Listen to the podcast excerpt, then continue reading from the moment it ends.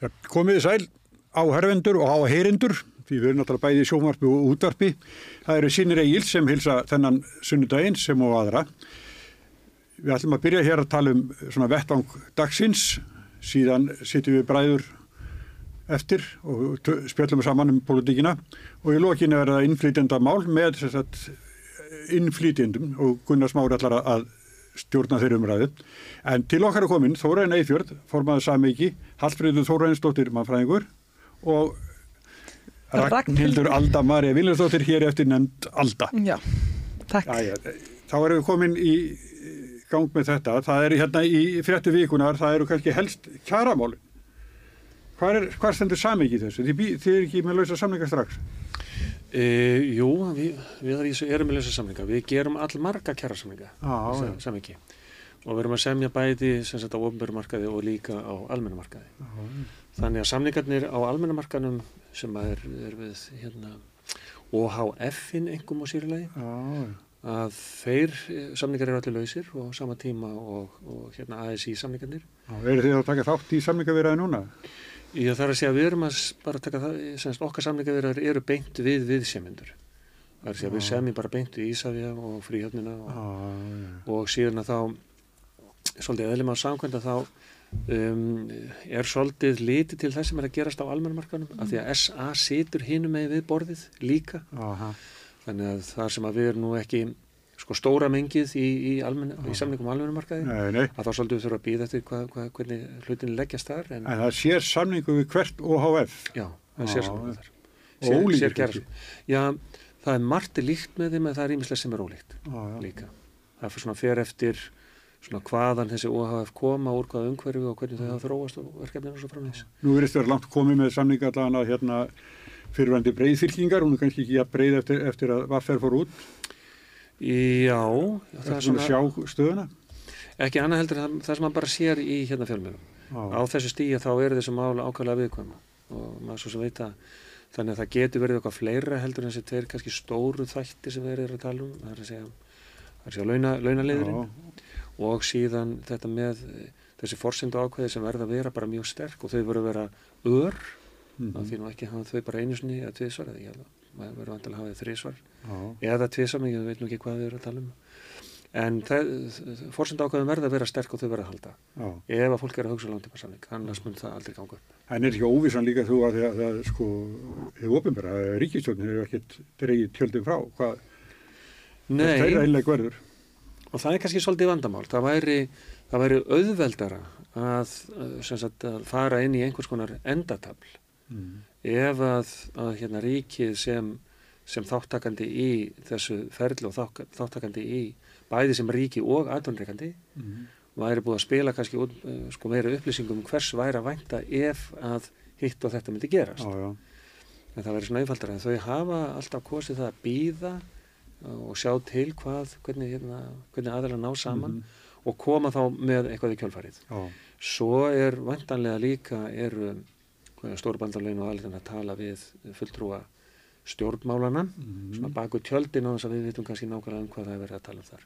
Kannski er eitthvað komið fram sem bara við vitum ekki hvað er. Já, en er, samt svona, sko ríkisvaldi er þekkt eða fyrir það að standi ekki við lofurðið sín. Jú, jú, það er nú hérna líka það sem er það. Þannig að það er erfitt að semja með þeirra aðkomu. Já, þess vegna er, er krafan um, um haldbær fórsundákveði eru algjört frum skilirði að hægt sé að ganga frá samningum. Það, það er svona að mönnum er ekki tristandi. Já, við skulum segja þessu svo að, að hérna, verkefælisegin hefur nú ekki alltaf verið ánað með það sem að stjórnvöld hafa gert eða einhvern veginn kannski það sem það ekki gert. Mm -hmm. í kjölfar þess að, að hérna hefur verið skrifandi samning en undir því ljósi að það eigi að gera eitthvað sem síðan ekki rætist mm -hmm. Það er alltaf mikið ef og kannski en það er búið en þetta gera öðruvísi. Það var aldrei talað um þetta, jú það var víst og svo framvegis. Fórsynda ákvæðan verið verið að skrifa þannig að þau skiljast Já. og að þau haldi. Hallfriður, þú fylgst með þessu kjara viðraðan? Svona bara úr fjarlægð. Já, en af áhuga, við þetta skiptum miklu Já, já, virkilega. Já, við Þannig, en ég hef ekki sett mig alveg inn í þessa, þessa deili núna. Og akkuru, jú ég skil, ég heyrði nú aðeins í Ragnari Þór hérna hjá Ingolssoni hjá Vaffer og akkur hann að klausi út. En það eru víða samningarlausir til dæmis í ég sitt þó ég sem mannfræðingur og stundir rannsóknar í inflindum á Íslandi og fræðslu þar að lútandi að þá hefur líka unnins að leysumar og sitt þar í stjórn og það hefur verið verið svona rétt að byrja leysumar rétt að byrja sína samningarlótu mm. þannig að það er, ég held sér víða samningarlausir hjá þessar litlu félagum líka. Já sem eru þá ekki innan eina ekki, e, ekki innan eina viðbanda beilinis en, en auðvita í raun og veru þá er þeim daldi mikið skamta bara eftir því hvernig kaupin gerast á eirinni hjá stóru félagunum það er bara, það held ég að sé sko já, já. reynslan. Já, einmitt. En alltaf mm -hmm. Pappið maður nú lengi bara innst í kopri búri í samningavirðað? Já, við reyndar ræðum ekkert rosalega mikið samningavirðaður við eldursporðið sko. af því að ég er náttúrulega... Nei, en þú, er þetta genetist þetta? Já, ég er enda, vistu, ég var um þetta að hugsa um þetta því það sem þið voru að segja og, og, og ég, ég kannski kem aðeins öðruvísi frá þess að því ég er náttúrulega hérna í borgarpolítíkinni og, og þið er svona kannski að lýsa hans öðru og starra en ég er svona þannig gerða, ég er oft ég, veist, ég er svona meira að spá í hlutunum aðeins frá öðrum fórsendum eins og með, hérna, með launin og svona og ég, ég núna undarfærið það hef ég svo rosalega mikið verið að Sko, ég var nú eitthvað að tala um þetta þegar en að rétt á hann, ég er búin að vera svo mikið að velta fyrir mér, um, þú veist, sko, hvernig við getum búið til sangjant launakerfi í heldina og ég var að, þú veist, og, og hvernig við látum það að taka með því sem að skiptir raunverulega máli í samfélaginu.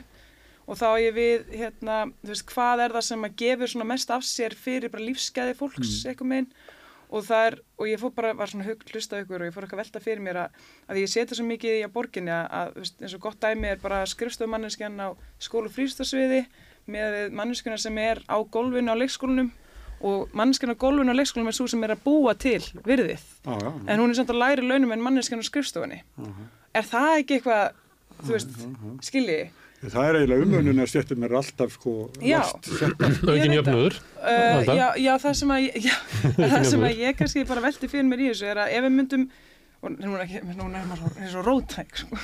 að, að ég velti fyrir mér ofta þegar við erum að tala um þú veist svona þessi launamál og svona þá erum við alltaf að tala um að, veist, að halda að þessari Aha. og allir eru svona aðeins að reyna að færa sig hans ofar og ofar og ofar og svo fer það eitthvað ákveðin hátt en við hefum kannski aldrei tekið bara samtalið um og svona alveg bara svona hart bara prófa, veist, ég er ekki að segja ég sem er lausnið sko. mm. en, en, en ég er bara að velta fyrir mér kannski bara, ættu við kannski bara svolítið endur hugsa mm. þú veist, hvar hvað, þú veist í þá, í þá að forgan og svona eitthvað með þannig að það sem að býr til virðið sko, mm. sem er fólki á gólfinu og að það sé, þú veist að því það er svo verðmætt fólk sko, að það eitthvað með einn frekar ég veit ekki, kannski ættu þá að hugsa bara að breyta þessu minga skrifstofupartin og ég spáði svo mikið út frá líka að því maður minn er hérna læknir.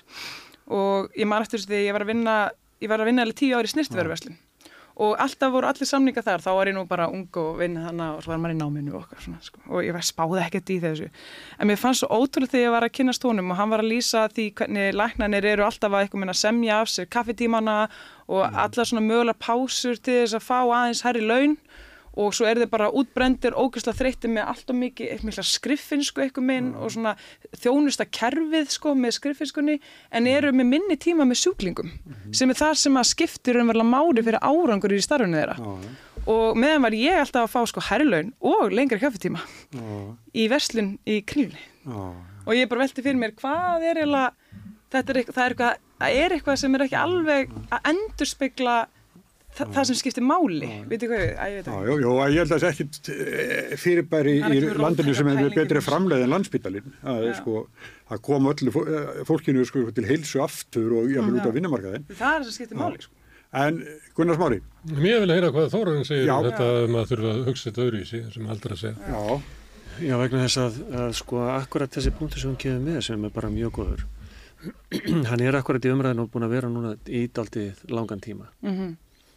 og og það er að vísu þegar þú drefur upp þá mynd að það er allir hópar sem er að hugsa um símkjör mm -hmm. þá er það líka vegna þess að, að almennt að þá hafa launþegar ekki búið við það að við séum þá, en það búið að breytast allavega mm -hmm. að við búum ekki með nógu mikið jafnræði í samfélaginu og ekki, hvað við séum, svona nógu mikið einfaldleika þegar kemur að því hvernig fólk á að komast af í hennu bara mhm. dagstæðlega mm -hmm. það til dæmis er ekki, það er ekki mjög flókið að reikna það út að það á í góðum samfélagum ekki að vera meiri húsnæðiskostna byrði hjá einstaklingum heldur sem nefnir 25% ráðstöðunatekjum. Mm -hmm. Það bara má ekki vera meira mm -hmm. og það er viða, viða hérna í okkar samfélagum sem við byrjum okkur sama við, mm -hmm. í þeim samfélagum að þá er þetta viðmið. Hins vegar þetta með kvennastjættetan eins og við slumum taka bara leikskólan mhm.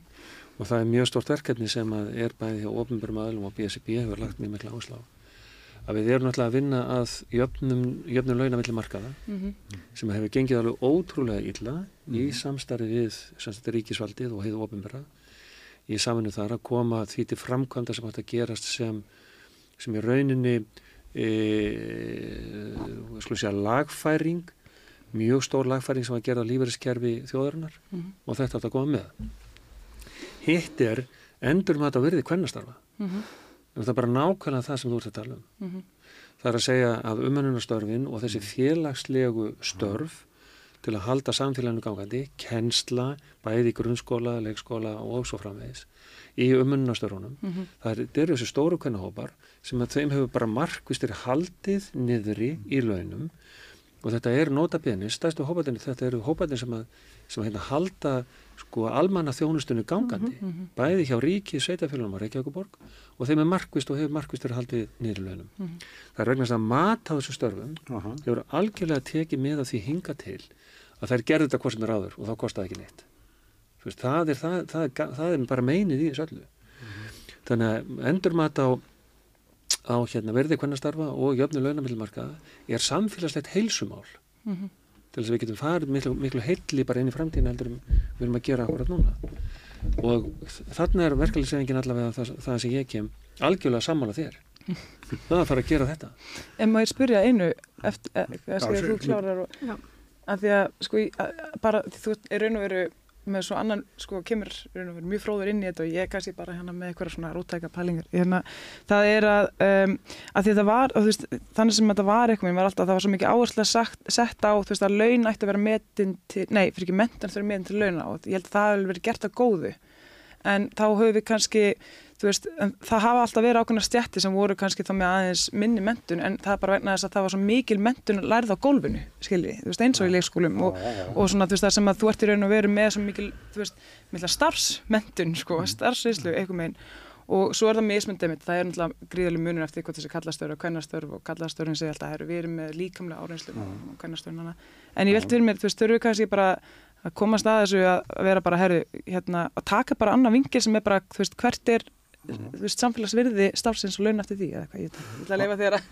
Hallfriður? Já, bara endur maður. Já, ég, ég, hérna, gaman að þessi umræða skulle koma upp. Ég laug núna í höst við rannsók sem að snýri að, sem heitir, ég kallaði hana, hérna, Jaðarsetning í jafnbreyttis paradís og fjallar um inflindakonur og íslenska konur sem vinna á leikskólum og í þessum umönnarstörfum og fór í gegnum hennar litteratúr, hennar fræðilega litteratúr bara á, á þessari þreföldu sko, hvað kalla maður það, labeling eða þess að það er merkingar, þú ert kona þú ert í sko umönnun og þú ert á ellendum uppuruna, þannig að þetta er allir þessir þættir, já þar setja því að ykkur er leiti mm og það var mjög fróðlegt að fara í gegnum bæðið, ég var að skoða svona hvernig Reykjavík borg, í fyrsta var ég svona fókus að mesta Reykjavík borg og tók líka landi og fekk alls konar tölur frá aðstofunni sjá líka hvernig innflindu fara að koma að þinn að gegna þessum mikilvægu störfum og við vitum náttúrulega að það hafi verið gífilega mikil sko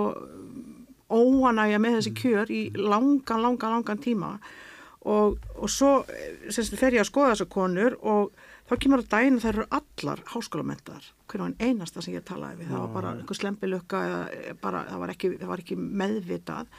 Og þær fengu, það skipti þær til dæmis tölvert miklu máli að fá þegar að breytingar þar urðu á leifisveitingu til kennarastarfsins þannig að þú gast verið, fengið það metið, þá fengu þær mjög margar metna sína mentuna heimann í frá mm. sem þær höfðu ekki fengið áður.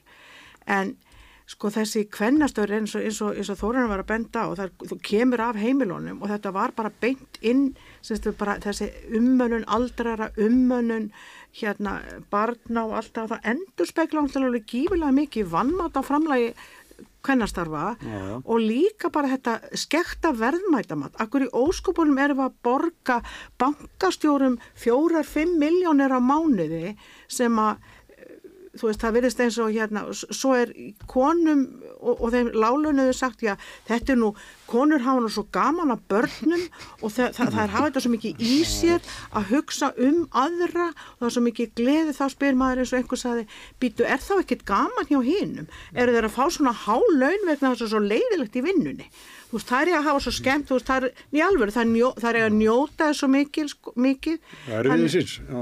Hvað sér þið? Njóta erfiðið síns. Njó, njóta erfiðið síns, já. já og, og, og svo koma alls konar reglur eins og, eins og hérna þessi reglgerðum um eða lagarsetning um, um fækkun vinnustunda nýri 35 tíma hvernig kemur það út? Það kom mjög illa út fyrir margaðir að það er lendið því að vera jáðarsetta vegna þess að það eru innflyndur, það voru kannski að mæta einn daginn í einn og halvan tíma af því var hver leikskóli sem hafi sjálfræðin það hvernig þessu var útlutað þannig að, að þær voru þar, veist, það er alls konar svona í gangi og, og það var mjög, ég reyndi til dæmis að ég var að skoða alþjóðlega rannsóknir og þá eru það er til statistíkum það hversu hátt hlutall vinnu absins er í umönunarstörfum mm -hmm. og þá er það, al, það er alltaf vitt, það eru læknar og hjúknafræðingar mm -hmm. og, all, og allir sem hugsa um annað fólk og í háþróðum innríkjum, ef við, ef við heldum okkur við það, þá er þessi tala frekar há við minnum í Damerkánu við erum 30% eitthvað svo les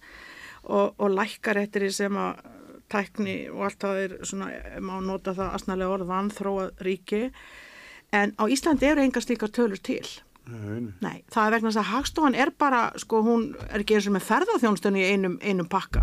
Veist, þannig að það var engin leið að finna út hversu stór tala þetta er í raun og veru. Og hvernig líka það er alveg bráðnöðsilegt að halda utanum alla statistík kyn, kynja hérna breytuna aldursbreytuna upprunabreituna, hvaðan er þetta fólk að koma, hvernig er þetta að raðast? Ég hef verið í viðtölu við hérna, út af fræðslu sem ég er með í, hérna hjá hjúknarheimilum og það er alltaf bara meir og minni svo þið viti. Allt saman fólk af ellendum upprunum sem er að sinna gamla fólkinu. veist, þannig að, að þannig er líka samfélagslegt, veist, það eru svo margir fletir á þessu máli og við vitum alveg, þeir sem vilja vita það, að rattir innflytjenda, þær eru mjög lástemdar í íslensku samfélagi, enn sem komið er, ég ætla að segja það, enn sem komið er, þeir raðast mjög mikið í í stjættafélag eins og eblingu, stjættafélag ófaglarðra hjá Samiki og BSB félagunum hlutallegi mjög látt en þá læra bara alveg sko það hverfandi látt í BHM mm. stjættafélagun sem það er inn, fyrir innan. Og þá, þá segir það mann og lest í þessar tölur, já ennmitt er þetta, þú veist er, er við að búa við í marg hérna margmenningarsamfélagi, jú vissulega ef þú skoða statistíkina en ef þú skoða hvernig þetta fólk raðast á vinnumarkaði, nei. Þau hafa engin völd. Veist, þau hafa ekki, ekki sjálfdæmið það, það, það er allir aðrir sem taka ákvarðanir fyrir þau. Skiljiði, og það er ekki kostningar eins og smári og þið hafi marg sem er spennt á.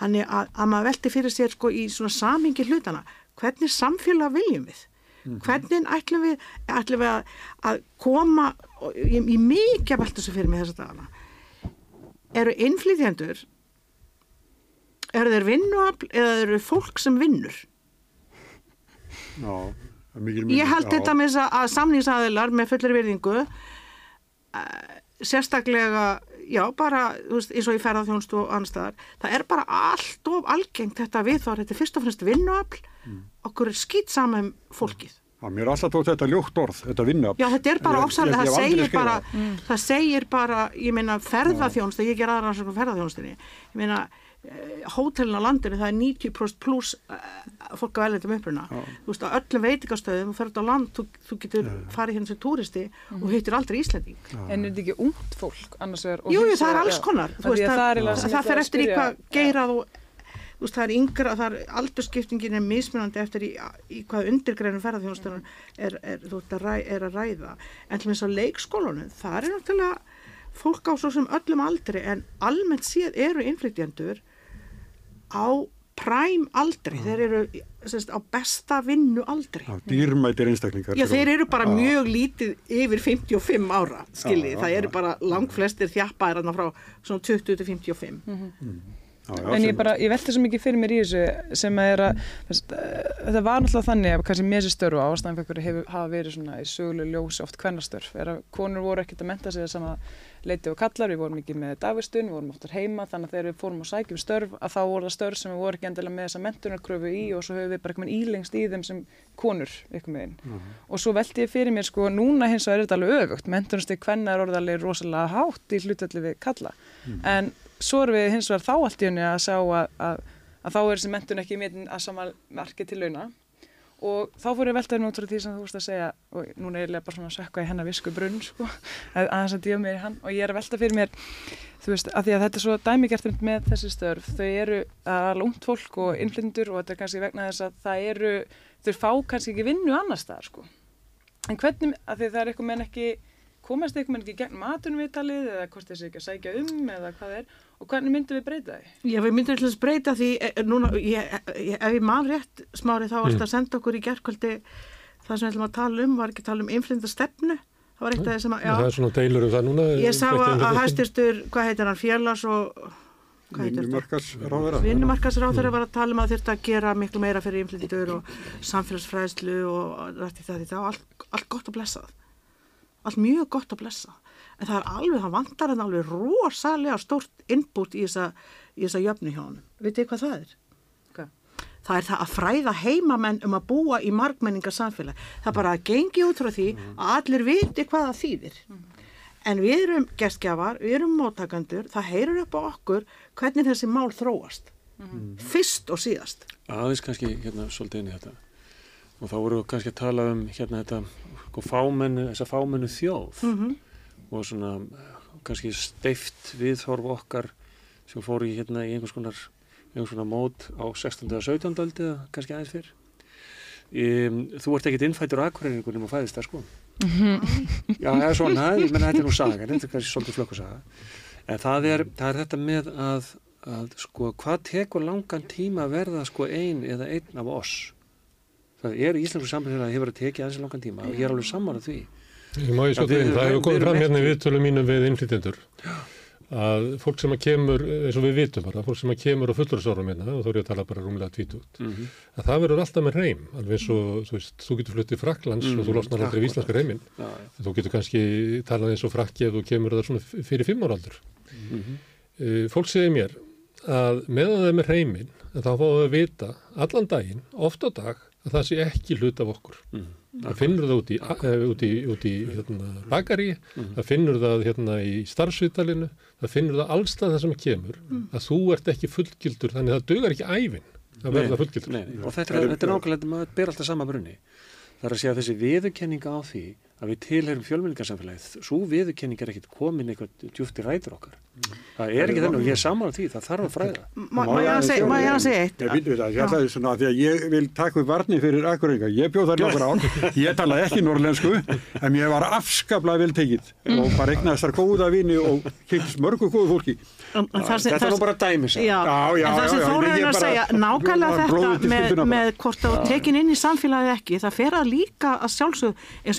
þá bara höldum okkur í sveitafélög Keflavík, okkar gamlu og Njarvíkurna, okkar gamlu sem heitir núna Reykjanesbær sem ég get aldrei notað en þar var bara stemmingi, þetta voru sko í aldana rás, það voru þetta verbúðir þarna, mm. fólk kom og fór og kom og fór og kom og fór, það var innflytjenda samfélag að vísu sko af, annar staðar af landinu en Þar hefur allatíð verið miklu auðveldara að aðlagast því sem fyrir er heldur um víða annars þar sem ekki var um að ræða mm. þessi, þessi, þetta stöðu að streymi fólks fram og tilbaka. En ég er að segja það aftur, ég held að við verðum að líti eigin bara um að skoða hvert er okkar hlutverk sem heimamanna í þessum, í mm, þessum e, þú veist, að taka móti fólki, hvað er það að gera?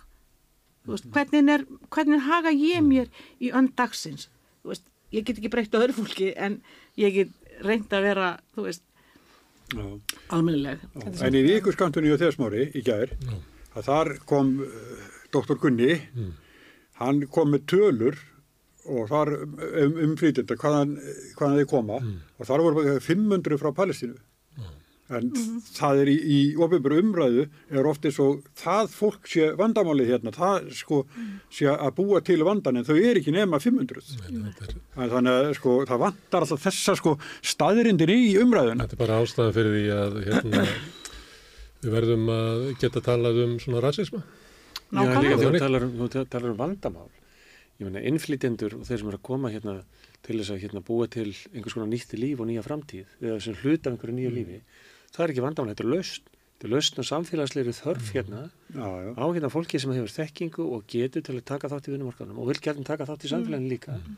þetta er langstæstur hluta fólk sem eru að vinna stöður sem Íslandingar hafa einhvern veginn skilir svolítið eftir og vilja ekki fara inn í mm. fiskvinslan og til ferðarþjónustan byggingariðnaðurinn þegar hann er á, á sem mestar í ferð mm. og svo framvegis mm. og þetta eru auðvitað lálauna störn sem krefjast ekki, það ger ekki kröfu það, um það, langskóla eh, sem þess að próf þá, þá, þá komum við að öðru mjög hérna, mikilvægum punkti sem að mm. mér finnst ekkert vera rættur hérna.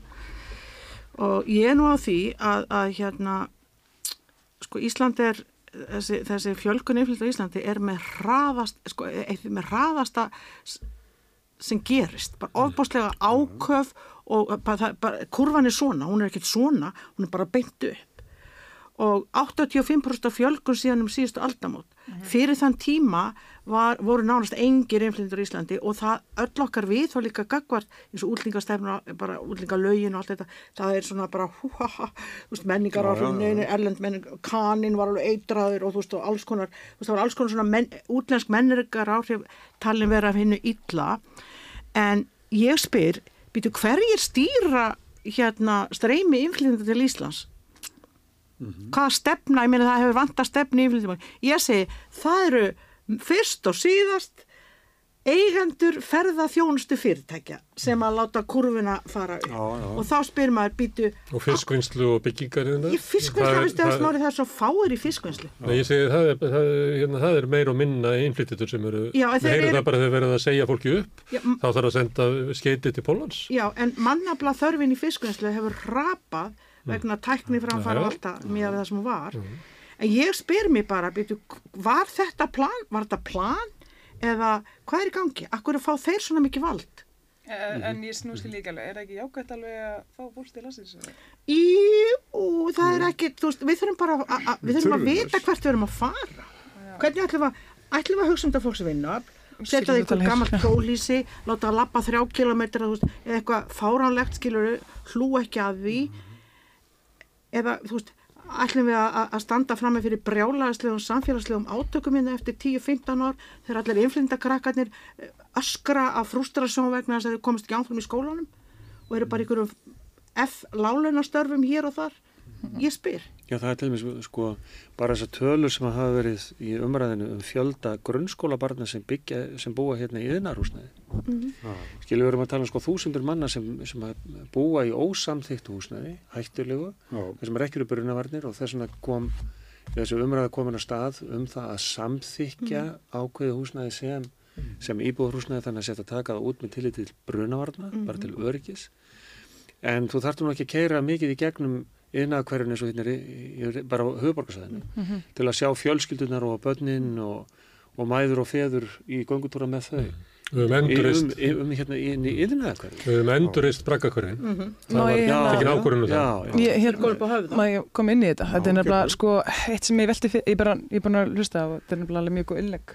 Og þó fyrir ég að velta fyrir mér vegna þess að að sko, í, þetta er nefnilega svolítið fyndið. Íslendingar hafa alltaf verið Við vorum náttúrulega innflytjendur sjálf, uh -huh. svo kom, fórum við og hérna, vant, okkur vantaði meira fólk en við sóttum það til Evrópu, uh, Írland, svo, svona. Það er nú ansiland síðan. Ég veit að ég er að segja, en já, samt sem aður og svo þar, þess að milli að þá voru náttúrulega margir danir sem komið yngað og svo náttúrulega, hérna, þú veist að fólk allstar frá í raun og veru, þetta hafi kannski ekki verið mikið sagt frá því og það er alveg rétt að það var rosalega einsleikni en að sérstaklega fram, fram til mm. aldamóta. Og en það hefur kannski verið svona mesta einsleifin sem hefur verið vegna þess að að við vorum bara alltaf degjandi svo reglulega að ef það hefði vist, vissilega verða mikið við okkur, við vorum eiginlega smæri börn en, en það var líka... Það var líka bara pólitík, pólitík, ég meina þú horfur á Ísland og setur það í efra ástæðmingi, þá er alltaf aldrei á Íslandi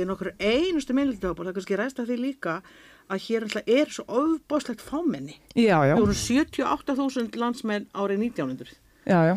En svo var þetta líka bara, þú veist, ég menna, þánga til um aldamótin, þá var sko, nei, aldamótin ekki núna heldur 1900, þá var allir með slengi vel og máttir bara ekki vera, það bannaði að vera aðtunuleg, sko. Þú varst að ráða þig eitthvað staður út í sveit og þú reyndir eftir alltaf búin að kanna þetta allt miklu meira en ég og þannig að ég sitt þann fyrir að vara á þetta. En, en ég hugsa að við höfum raun og veru alltaf verið miklu fjölbreyttari en við höfum skráð niður eða þú bara mm -hmm. lítur út fyrir, sko, þú veist, tökum við Norðurlöndin, tökum við eitthvað með þannig. Nei. Jájá, allavega. allavega um, ekki nei, náttúrulega með við eins og það er núna Nei, bara ekki heldur ef þú horfið tilbaka mm -hmm. það sem að, sko, ok, ég segja fæðin og alltaf, og þú er réttilega að benda á þetta með lögin og allir að vera að vinna og svo leiðis, en það var líka bara reynlega að óta við því ókunnuga hvað sem þeir eru einangur hérna í okkar sko langt frá, frá öllum öðrum og við sem hérna erum eldri við mjögum til dæmis eftir átökunum sem urðu um erlend farandverka fólk mm. þegar, þegar ég var úlingur muniði munið eftir því mm. veist, það, voru, það var rosalega viðspyrna og ótti meðal landsmanna gagvart, mm. gagvart þeim þannig að veist, óttin og svo er það bara þegar þörfin Já, ég kannski hugsa er, ég syns það sko þegar sem ég er að lýsa er til dæmis bara það að við höfum alltaf verið með mikið að nunnum hérna skilur við frá katholsku kirkjunni It just so happens að nunnur fjölga sér ekki. Nei, ég veit það en ég er að segja það er, það hér hefur búið fólk Já, en ekki í, sko, sem hefur kannski ekki verið að fjölga sér en kannski að taka Nei, þá tölum við, það sem, það sem munun er það komu einn og einn einstaklingur. En þegar að, það er ekki fyrir hér svona upp undir 1990 sem fara að koma hópa Já, nei, ég, ég er alveg saman þannig að það myndast ekki ok, Danir voru hlutvarslega fjölmæri þeir voru náttúrulega, ég ætla ekki að fara að reyna það nei, nei, en ég kannski það sem að já. bara sem þú útskriður, ég er bara að tala um að við höfum aldrei verið bara Íslandingar, við höfum alltaf verið með einn hér og það og svo bara komum við Ég myndi vilja taka þundum hérna, því að við getum líka valið söguna sem við löfum í. Íslands menninga ef að Íslands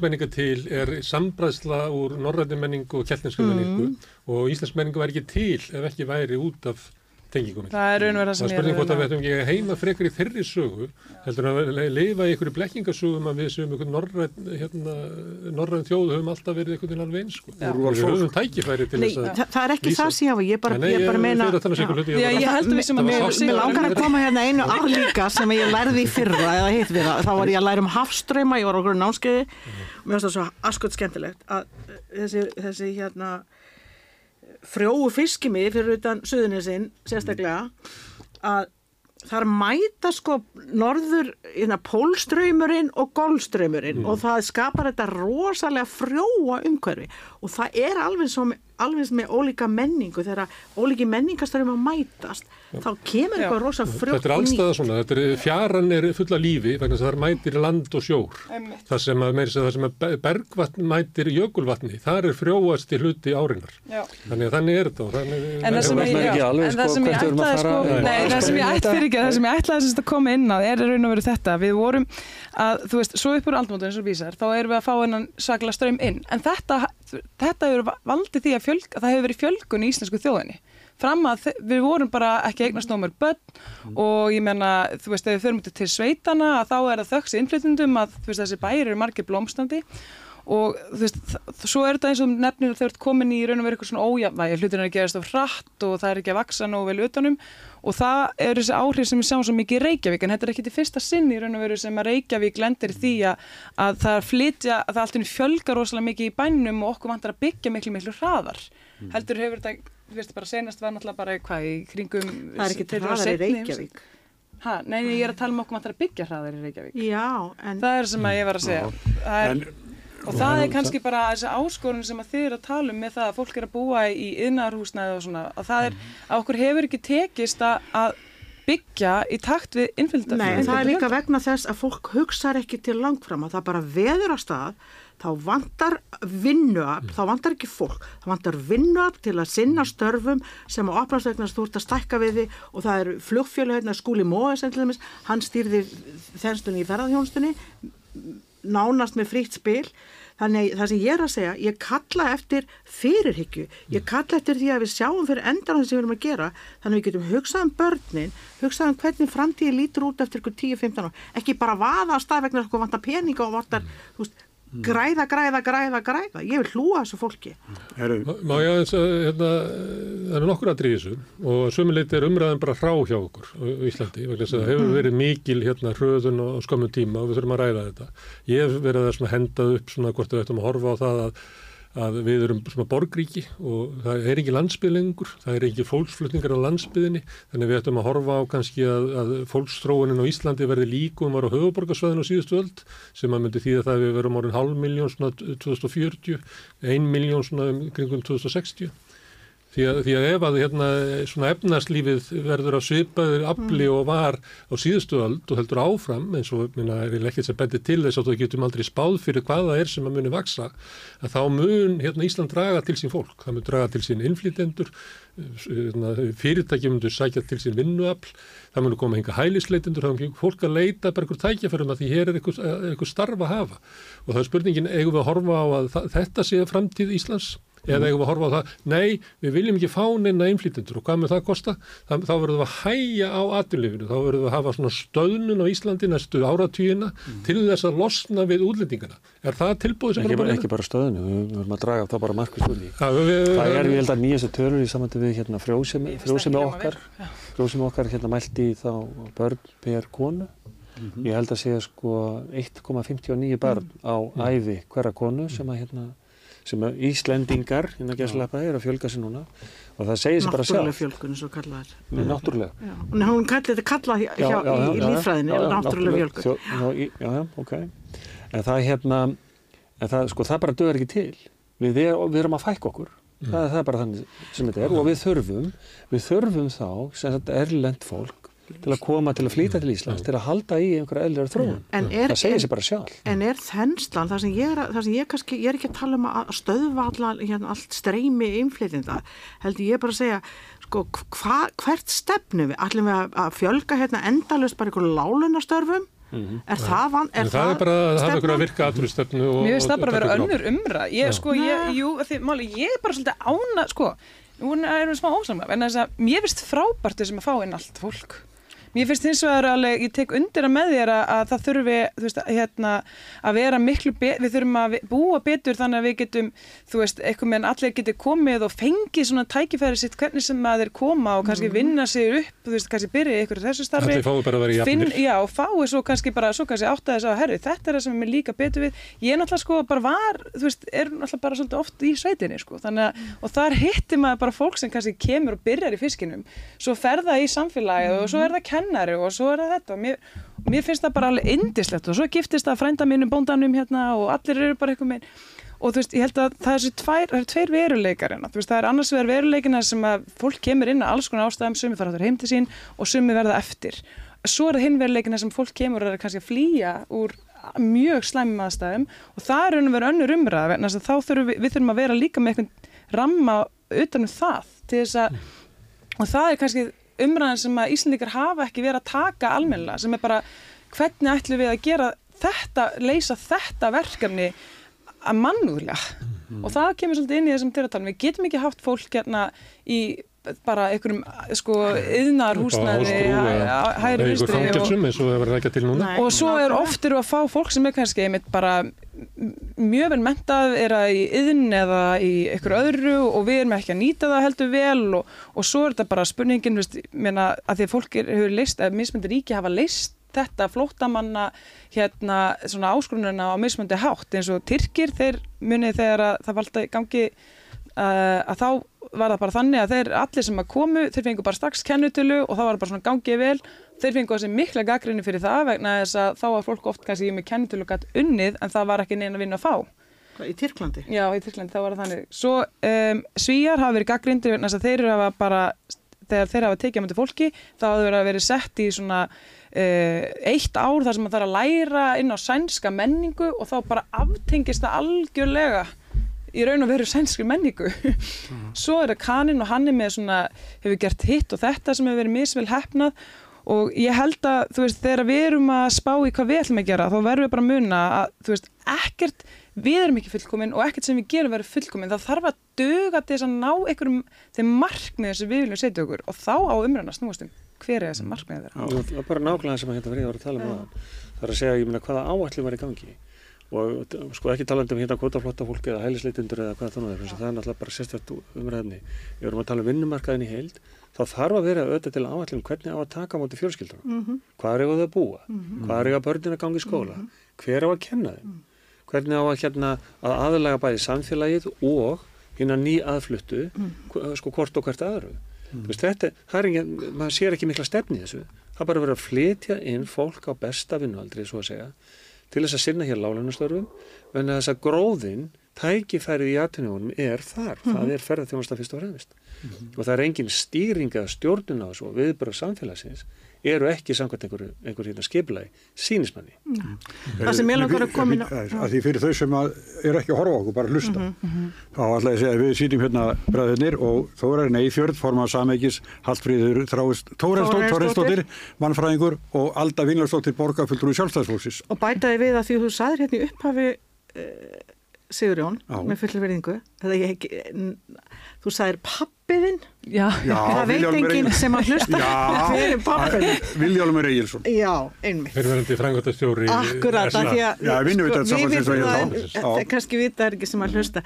En mér langast alltaf að koma inn á Það var framhald að samræða okkar inn á Já, taka inn undir sem Þóraðan var að segja að líka sko það sem ef við horfum tilbaka sko það sem ég er, sem ég er að kalla eftir hérna er að heimamenn fái líka fræðslu.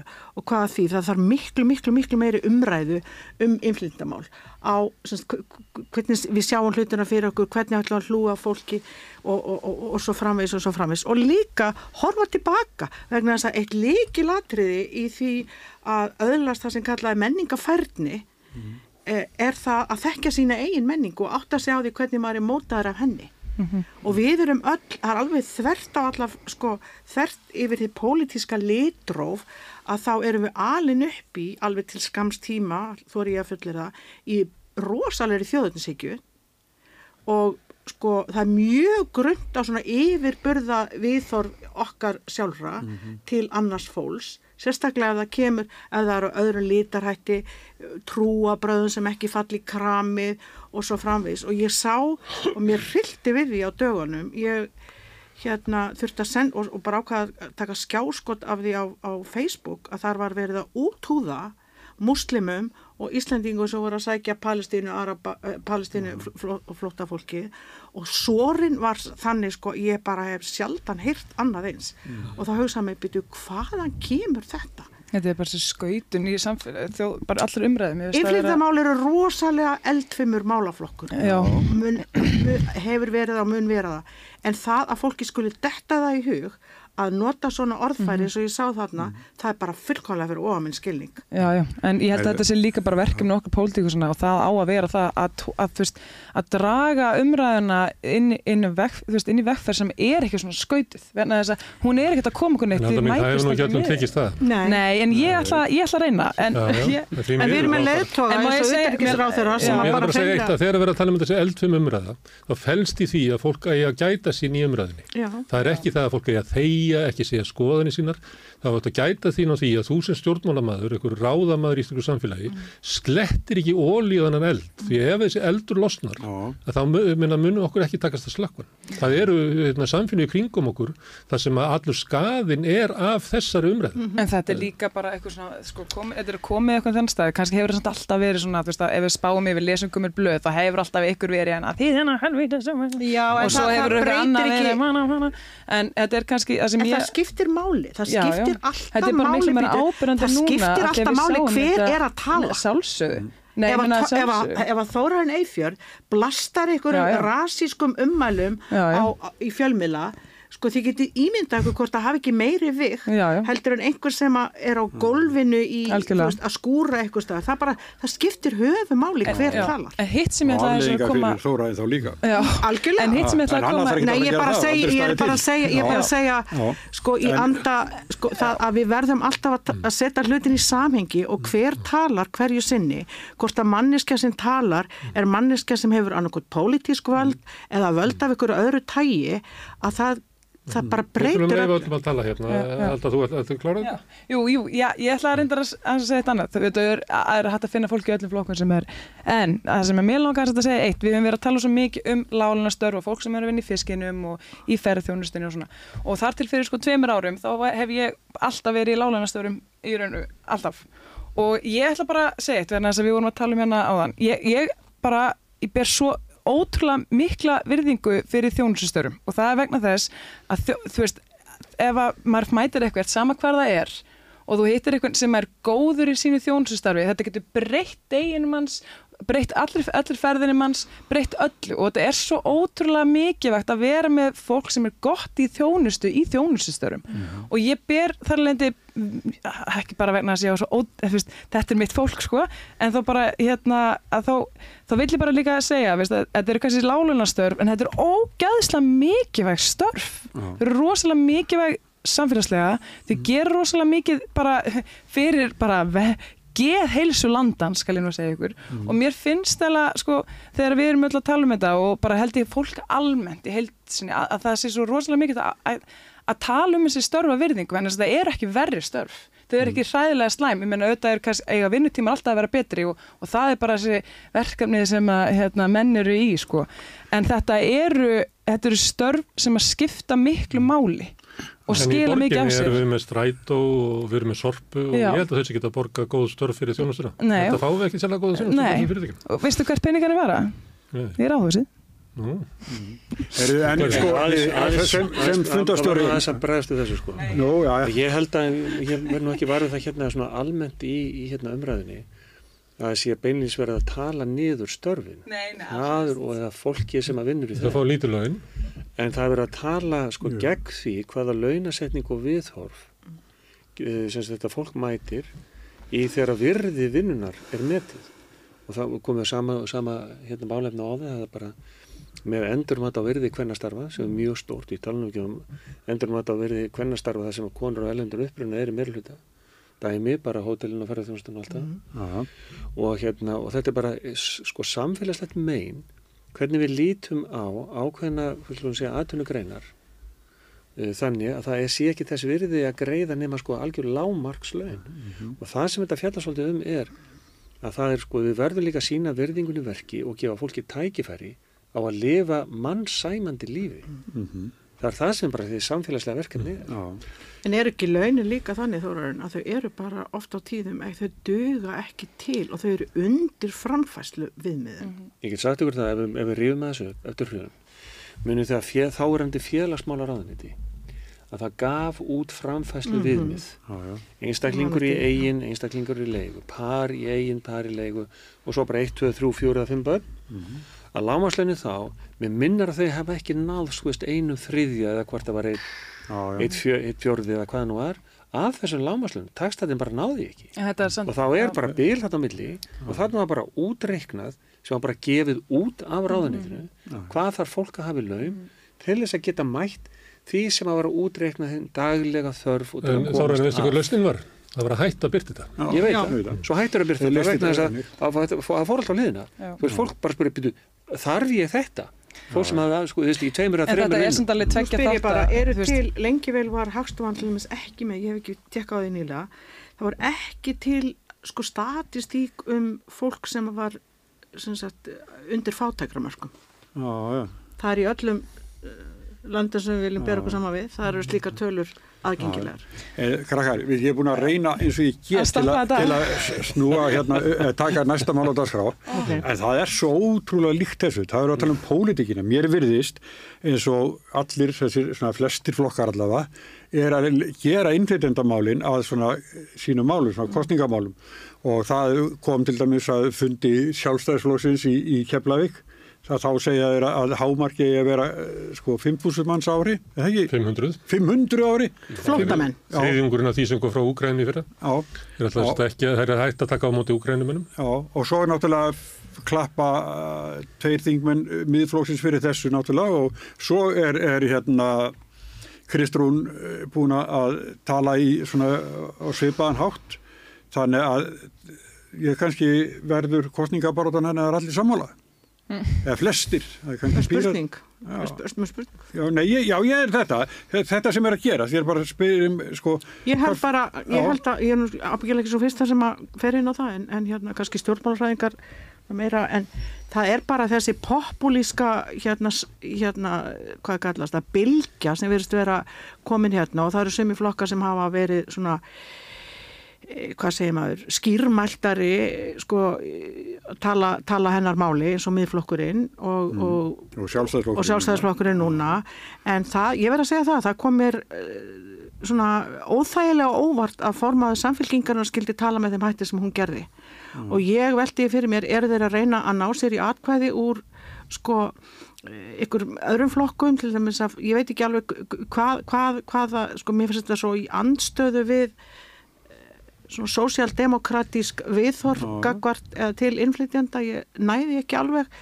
Og ég einhvern veginn gæld varhug við því að þess að vera að kynnta undir einhverja islamafóbíu og ég mitt ég var að skoða þessar tölur allar, ég, ég er að undirbúa mig fyrir skoða allar þessar tölur um flóktamenn, láin á útlingastofni í morgun og skoða þetta sem að næst stæsti stæsti þjóðverðnishópurinn á Ísland og eftir polverjum ég held, ég var að skrifa í gær, það voru litári gær og svona rúmenar og svo komur og fylgsegingar og eitthvað. Herru, svo bara, ég er sko tölur hér útlingastofnun í morgun. En það voru úkrænumenn komnir upp fyrir sko litáana þannig að það eru mm. polverjar, úkrænumenn litáar, þú veist, í þessari röð. Já, og það er vegna Kemur ekki ávart, við erum búin að taka mútið fjúðust úgrænumönum bara 1560 í, í fyrra. Mm. Og, og tæpilega 3000, ég man ekki alveg hvað þetta er, svo dætt niður til dæmis Venezuela 758 neytanir í fyrra. Mm. versus að hafa tekið á móti sko nokkur hundru veist, þannig að þetta er svo rosalega ég sá bara líka dómsmálar á það, ég sé bara hvernig getur þú að tala svona? Hún, hún bara var rosalega ána með það að taka máti fleiri úgrænumönnum og allt ok, fínt og, og gott. En það er líka annað fólk sem er í stríðs sko, í við skelvileg kjör en það má alls ekki taka fleiri það. En ef þessu sætanum hann voru allt fólk með sama höruslit og við. Já, nákvæmlega. Sem er fyrst það bara æðislega mikið atriði. 90% allara innflytjandi erlends fólk sem er fætt í öðrum löndum á Íslandi, það er kristi fólk Sko, það er að um pólitíkina þessi mál. Já. Ef að hérna, þetta verður kostningamál, þá verður þetta rugglaðast að kostningabarata sögunar. Mm. Því að það sem að stjórnmálamenn leggja til umræðinar er yfirleitt aldrei byggt á neinu staðrættum. Það er hérna, það verður að láta í, í, þú veist, við erum með ferðamannaströmmin, við erum með allt þess að hérna, vinnuaflið sem kemur hingað að vinna Við erum með, búin að bjóða hérna Venezuela fólki og fólki frá Úgrænu og, og það er hérna, það var einhvers að dætt í huga að smíða eitt herbyrgi sko. Það var satt komið hérna 4000 manns frá Úgrænu og við ætlum ekki að gera neitt til að taka mátt okkur. Svo er, verða innviðinir fara að verða hérna finna fyrir því. Við hérna, ég satt í stjórn leyendasandaganna í mars 2022 og við sendum frá okkur yfirlýsíku og bentum á það að það stemdi í algjöra hörmung á, á leyendamarkaði þegar það kæmi hérna svona mikið af, af fólki frá Ukraínu. Mm. Það var ekki það að leyendur var eitthvað mótið því. Nei. Það var ef þú ætlar að taka mótið svona mörgum, þá verður það að byggja. Því ja. það er ekki hægt að steipa 4000 manns. Síðan var hérna út af þessu tilbúðu til Venezuela, þá vorum við með 7000 manns frá þessum tveimur löndum. Við erum núna með 3000 manns frá Grindavík sem er kemur. Þannig að við vorum búin að taka mótið sko næstu þremur Grindavíkur mm -hmm. á þess að byggja halvt herbyrgi. Þetta var reynd það sem að hérna, Þetta er svo stjórnlaus stjórnlaust fyrirhyggjuleysi og svo þegar þetta allt kom í steik hvað er þá gert? Er, nei, við slum ekki tala um ferðamennar við slum ekki tala um hérna, fólki sem kemur hinga til að vinna. Eins og hægnisleiti koma líka hinga til að vinna sko. það er ekkit öðru sem fólk. Við slum ekki tala um Ukrænu, við slum ekki tala um Venezuela bombertuna sem við gerum þar. Við slum tala um þess að 200 hérna, fólk, 200 manns frá Palístík sem er allt, allt ílt að kenna. Sigur Jón bróðir, það eru fólki sem er að grafa undan samfélagunum Hver, þetta mun verða kostningabortan og hún mun verða bara, hún hefur verið fáitalegri heldur en Íslands stjórnmál hafa nokkuð tíma verið. Og það er líka sko, það er, sko ég er nú búin að fylgjast með þessum málaflokki í rúm 20 ár, bara 24 á Íslandi. Og, og ég sagði alltaf, sko lengi, lengi, lengi vel og ég get, ég, nú get ég ekki lengur sagt það, ég sagði alltaf, innflindamál eru sko í, á þessum pólitíska svið þetta er jáðarmál, þú veist það var engum sem að einhvern veginn dætt í huga að tala um þetta. En nú hafa þau sótt og sækja mjög hraðbyri inn á miðjuna sem að þau hafa verið náttúrulega í nákvæmlandunum í, í ára tíi en það sem er að gerast hér gerist miklu hraðar heldur en í löndunum í kring það er gerst á 50-70 árum annars það sem gerist hér á 20 árum. Það er líka allt öðruvís, það er allt öðru samsetning innflytjenda, það er bara ekkert líkt með hérna, innflytjendum í Íslandi og í Svíþjóð. Næst stærsti, sko stærsti innflytjahópurinn í Svíþjóð eru sírlendingar sem tóku við, tóku á móti þess að það er flótta fólk lengi voru það finnar en nú eru það sírlendingar og það eru Írak mm. og Íran og og þannig að það er fullt af múslimum þar. Hér eru múslimar algjör 0,3% sko, pínu, pínu ponsu lítill hópur. 0,3% íslensku samfélaginu það tala eins og þetta sé 30-40 þúsund manns við verðum að verja íslenska menningu fyrir 0,3% af, af fólkinu sem að hérna, yfkar trú sína öðru sem við. Mm. um þetta verða kostningarnar, því miður. Já. En að hverju? Því að bara, við búum í bara heimsku samfélagi okkur hefur ekki tekist, þótt að við séum öll vola klár hvert fyrir sig, þá hefur okkur ekki tekist að búa til svona eðlilega sterka samfélagsumræðu. Við höfum til þess að tala hérna um í upphafi um, um hvernastörfin, lálunastörfin, innflytununar, svona jáðarsetta hópa. Mm -hmm. Hvernig hefur þetta breyst í gennum tíðina? Hvernig fengu, hvernig, hvernig, hvernig fengu þið hérna ykkar hvernréttindi konur? Voru það að kallan þessi sátt að fundu ákveðinu ú veitum við konunum svolítið réttindi Nei, það var ekki þannig Nei, stjórna svo lengi Hvernig ákveðum við að hérna, gefa hérna, samkynniðu fólki sko pláss í samfélaginu? Var það því að við sátum hérna, hérna gagkynnaða fólki og saði, er það ekki að hleypa samkynniðum hérna? Nei, það var ekki gert það. Þau eru ákveð sína eigin baráttu. Eh, leyendur voru lengi vel algjörlega rallösir en ákveðlega leyendarsamtöki voru endurist og núna er allir, er hægt að tala um leyendamála ykkur svona sæmilugu viti. Það verður ekkert vit í pólitísku umræðu að verður horfa okkur flokkaninnar og þingi og hvernig þau tala í þessum kastljósum eins og dóti sem þeir eiga. Það verður ekkert vit í umræðinu fyrir að gefum þeim rödd sem er verið að nýðast á. Mm. að láluna fólk fái rödd að innflytjandi fái rödd eru 78.000 manns á Íslandi sem hafa enga rödd. Þau eru aldrei í kastljósi þau eru aldrei í silfrinu eða hvað það heitir. Þau eru aldrei í vikulokkonum þau eru aldrei í fréttonum og ef að það eru það svona smári en vegna er endalist að fólki eins og, eins og okkur. Nei, sem er að tala um það. Alveg eins og var talað um leyendur eins og talað um lálunafólk eins og talað um minna fátaku eins og talað um aldraða. Þú ætlar á eftir að tala En, en það, sem, það, sem, það sem er líka aðtíklusert í þessu Svona breyta samfélög. Inflytjendur, þegar það er talað við á í fjölmjölum mm. hvað er verið að ræða? Kvalveiði, kvalveiði bann eða ekki kvalveiði bann eða, eða vindmillur eða nei það er bara talað um einflýtndamál. Þetta er alveg svo konur voru lengi, það voru ekki spurðar á neitt nema veist, leikskóla, batnauppeldi, umönunastörf, í alvöru talað. Mm -hmm. Akkur get ég ekki hérna, sem einflýtndi bara haft á hérna, skoðun og því hvort það er verið að setja vindmillur mm. hér upp á holdafri, hvað, mm. hvað, hvað er málefni sem vera skal? Hvað fær einn fátakjartalum í stökkusaflið? Herru, ég ætla að koma inn? Hérna, Alltaf byrjum um orðið. Já, já, hérna, sko nei, mér finnst það bara mjög áhugavert nefnilega já. og ég vona innilega að þetta verð, kostningarna verði ekki eins og þú lýsir sko. Bara... en hérna, nei, þetta er sko, að því að það sem allir eru sammála um hérna er þetta sammeila markmið sem er hvernig ætlum við að skjóta skjólúsi yfir alla á mannsamöndi hátt.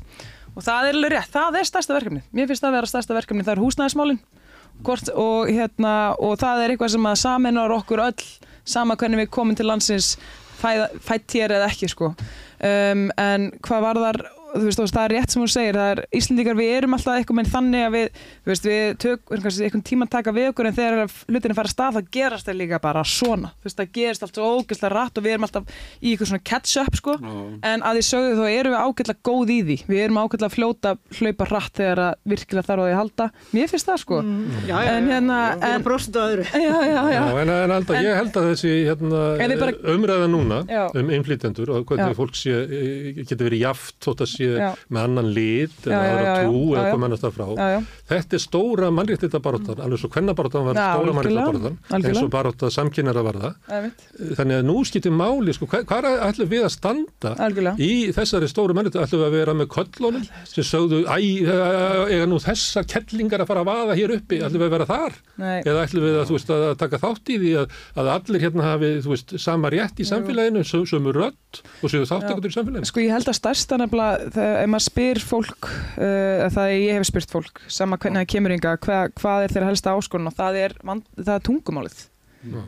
og ef við þurfum eitthvað að taka niður þá, hérna, en það sem ég ætlaði að segja var að, um, að þegar við erum eitthvað að spá í hvert, hvert við erum að fara með þetta og svona, og, og hvern, æ, nei, nú mann ekki hvað ætla að segja. Svo fanga eftir orðið um leið að kemur til. Ég, svona, það, er, það er svo margar hlýð, á þessu máli. Já. En ef við reynum aðeins að hérna, einangrata við uh, kannski tvent, fyrst pólitíkinu, pólitíkinu. Ég held að akkurat þessi, þessa lýsingar sem hér hafa komið fram núna, það er hafa búið til þrýsting á málefnið. Og af því að við erum svo illa undirbúin og ég held að mörguleiti að þá og getum við líka litið til þess að ég segja ekki að okkur sé vorkun en þetta gerðist akkurat með þeim hraða að það var engin undirbúningur að viti til að taka við málefninu eins og það er að vexti í dag mm -hmm.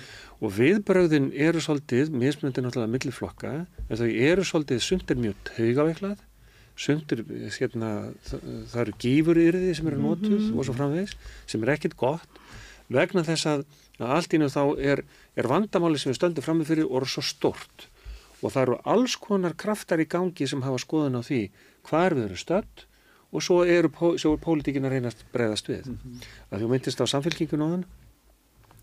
Ég held að sko að hluta til að þá er núna formaða samfélkingarinn að reyna að bregðast við því að flokkurinn hann verður að hafa einhverja stefnu í næstu í næstu, í næsta kostningaslag eða hvað er, það verður að orða það hvað, að, hvernig ætlar hann að mæta til leiks og ég held að allir stjórnmannaflokkarnir eru akkurat að reyna að búa sér til einhvers konar braud sem er alltaf að tala eftir Já. En að þessu sögðu, að því við vorum að tala um innflytjendur og allt það, þá langar mér bara til að segja frá því, það er nú einhlið þessa máls, að hérna 10% starfsfólks hjá Samiki eru frá, hérna, eru Allendibergi brotin og, og meira og hérna tala íslensku og er mentað í íslensku og er bara frábæri íslensku og, og geta þjónust af félagsmenn og þetta eru að, að, aðfluttir einstaklingar, uh -huh.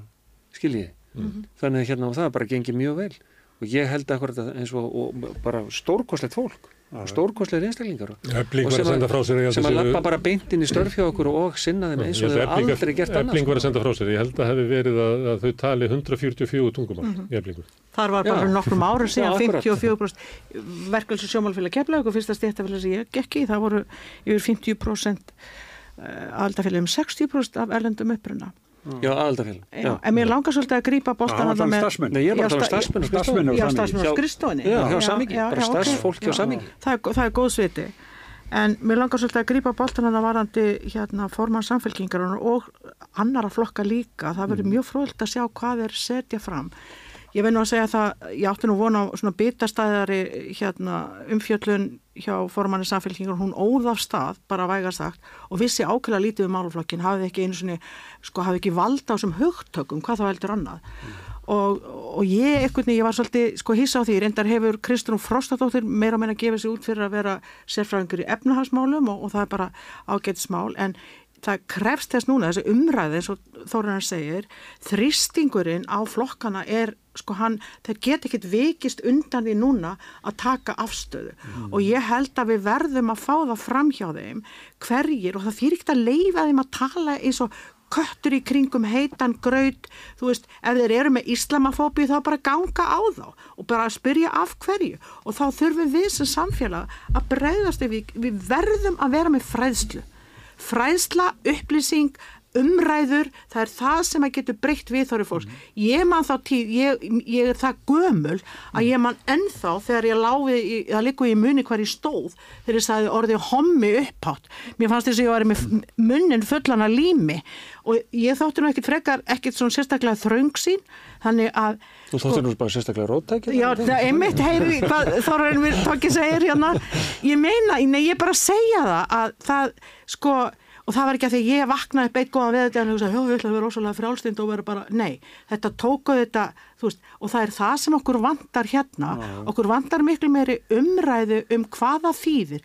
Og það er bara eins og með öll önnur sambönd, ef maður er í sambandi við ykkur á mannesku, þú reynir, þú, sko, það, ég segi alltaf, það tar tói tango, þú verður að mætast á miðri leið, sko, við verðum að mæta einhvern veginn fólkinu sem er að koma hinga á miðri leið ver, sína þeim áhuga, sína þeirra menningarlega bakgrunni áhuga, mm.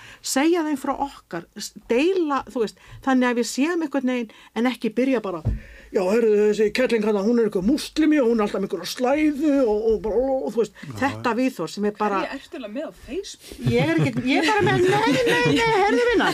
Ég er bara með fullt af fólk á Facebook. Ég heyri svona tal, ekki úr mínu nánasta umhverju. Nei, alveg örglega ekki, ég, ég, en ég veit alveg hvernig fólk talar. Með hefur sett svona einn og einn ég hef, ég hef verið í kennslu hér og hvar og allstað og ég veit alveg hvernig við þór fólk hérna hefur, það blastar þessi gendilega uppátt Mm -hmm. en það talar svona ég verði mikið verfið svona á Facebook. Ég á marga vinni og svona og nota Facebook Nei, ég tók þetta sem dæmi. Er, ég, ég er ekki að hafa þetta orðrétt eftir en ég hef séð svo mikla breytingu og síðustu svona 3-4 vikum að mér finnst eins og þessi búið kveikið samfélag okkar. Og ég bara, ég hef eiginlega aldrei verið svona, svona tala ég nú svona um næstu kostningapartu ég vil aldrei verið svona svart sín um sko bara stöðun og íslensku samfélag í mínum bergmáshelli á Facebook að þetta er náttúrulega allt bara okkar einn bergmáshellir að þá hef ég ekki verið varfið svona mikla hérna, svona, Já, alls konar vinn á Facebook já, Ég fæ alltaf annan áraður eitthvað með til mín en, en ég ætlaði að segja ef ég fæ að hanga sko, það sem að, að þetta er það sem ég glimta að segja á hann. Ég veit ekki hvað þið átt það, ég var bara að googla þetta í gæðir sko um, en það hafa aldrei verið mörg lönd í stríði síðan uh, heim, setni heimstjöldin. Þetta er, við er, uh, sko heimurinn, það er það er ótrúlega mikið átökum og stríðum og blóðum, svona barndum í gangi og við erum, það er bara mjög slæmt ástand. Og, og ég held að þú veist, við erum að tala um hvaða fólk við erum að taka móti og svona og hvað við vorum sein, þú veist, ég held bara að fólk eins og gerist, maður, þetta er eitthvað sem er gangið til heimi, við búum í svona friðsæli samfélagi og ég held að það er oft annir að, að þú veist, að maður maður er svolítið svona, herru það komið stríð hér, ok, betur nú þurfum við að bregðast í hérna og taka mútið þessum, herru það komið annars stríð hér, herru við erum að taka hérna mútið þessum, svo ja, það er líka hér. Og þú veist, og, og, sem, og svo bara hefur þetta eitthvað með bara undir svo rætt upp á sig og við erum held í þess að komin svolítið á annar stað sem við erum á eitthvað með núna, það bara hafa verið að brótast út stríð allstað. Ég var að skoða þessu tölur í morgun. Já það eru 37 miljónir cirka sem mm. eru flóttamenn sem yfir landamæri. Mm -hmm. þú veist, það eru lang flesti sko flóttamenn eru, eru hérna internally displaced eða þeir sem eru þurft að fara á flakk í sínu eigin landi. Já. eða það eru 184 miljónir í heiminum af fólki sem býr Einmitt. ekki í landinu sem það fættist í. Já, sem eru inflytjandi að koma sko með annað krassandi atrið en þess að ég var ekki alveg búin Nei, ég var ekki búin Lefuðu að klára. Og það er sem ég ætlaði að loka punkturinn var, var þessi að að þú veist, það sem þið erum alltaf að tala með og erum alltaf sammálum og ég held að allir flokar sér sammálum er að við þurfum að vera með eitthvað húsnæði fyrir fólk og eitthvað innviði til að taka mótið þeim.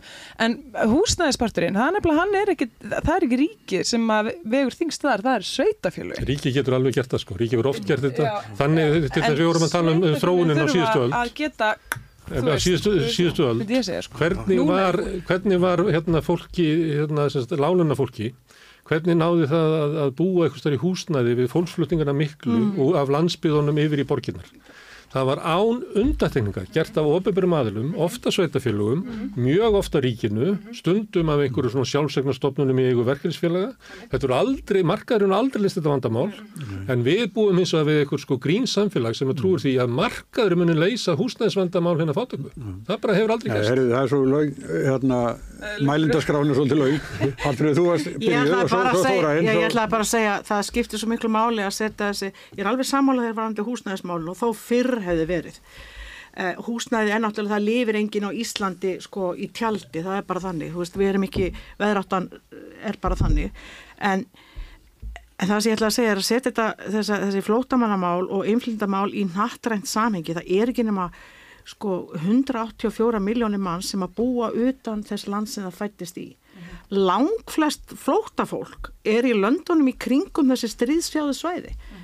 Tyrkir voru til dæmis mjög hérna dörleiri að taka móti sírlendingum og öðrum frá miðasturlöndum, Afganistan, þeir búa í Pakistan, Afganir búa sko nokkra miljónir í Pakistan, þú veist, ef við skoðum þetta að þá eru lang flestir, langsalega flestir flottamenn bara næst við landamæri síns eigin lands -hmm. þar sem ef það hefur verið stríð. -hmm. Þannig að álægið á, á á þessi innvættu lönd eins og í Evrópu, það er ekkit eins mikið að vera látið. Mm -hmm. bara svona tölulega sér Já, já, já, en það er bara til að koma inn á því að það er þetta minnst á e, húsnæðisvandan í kringum um, bæði þennan hóp og alltaf bara meðal almennings, það er bara húsnæðisvandi á Íslandi heilt yfir að þá er það ekki bara það. Við þurfum líka innvið, við þurfum mentakerfi mm -hmm. við þurfum skólakerfi fyrir þá einstaklinga og börnin sem er að koma eitthvað Nákvæmlega. Ef við skiljum þess að hópa undan uh, undan skiljum við í hvað að setja tækiform til að öðlast góða, góða mentun mm -hmm. og þá er það að tala um alveg frá barna sko upp úr mm -hmm. að þá erum við að, sko, að búa til vandamál fyrir framtíma Algjörlega, það er horrið og hitt er líka að heilbreyðiskerfið er undir gríðarlegu álægi líka Algjörlega. við svona fjölgun. Og við erum alls ekki að standa okkur þar heldur. Nei, það vantar svo mikið á að við sem að standa okkur mm. ákvæða einhverjum þeim gæðum sem að svona ég held að almenningur hérna á Íslandi vilji trúa mm -hmm. að mhm. sé svona í innviðum samfélagsins mm -hmm. en það bara reynir mjög mikið á það núna mhm. út af þessari fjölgun -hmm. sem að nota, nota benni er mhm. líka svona hvað að segja, ásið þess að hagrannu fórsendur sem við erum búin að vera að tala um En annað í þessari fjölgun líka sem við glemt að tala um hér var hann til innviðina að það er þessi brjálaðislega fjölgun erlendra ferðamanna sem er náttúrulega eigur sko bara álægið á sjúkrahúsin, helbriðiskerfið og ef að því með leir þetta mig en síðast þegar ég vissi þá var þannig að, að hérna, hvað heitir það, fjármagn frá ríkinu, semst hvað heitir það, fjármagn til helbriðismála mm -hmm. miðast við eh, fjölda einstaklingar sem eiga lögheimili í hýraði mm -hmm. og ef við ekki tökum árnesíslu þar sem allir, allir túristar koma mm -hmm þá getur ímynda ykkur þeir eru að fá fjármagn miða við það sem er búið og allir suma bústæðinni líka. Já, fyrir utan það það hérna eina tilögu hérna, ef við erum að tala um að svona stóru mannréttindar hérna, bylgjunar við tókum bara kvennarhefinguna eh, hérna, baráttu samkynæra og svo erum við núna með hérna, alla einflýtingunar Í kvennarhefingunni þá voru alls konar hérna fyrir byrða bara hérna, að, að konur verið ekki gallaði kallar og það var svona bara sjálfstæðisbárað á kvenna að það verið ekki að skilgreina sér sjálf.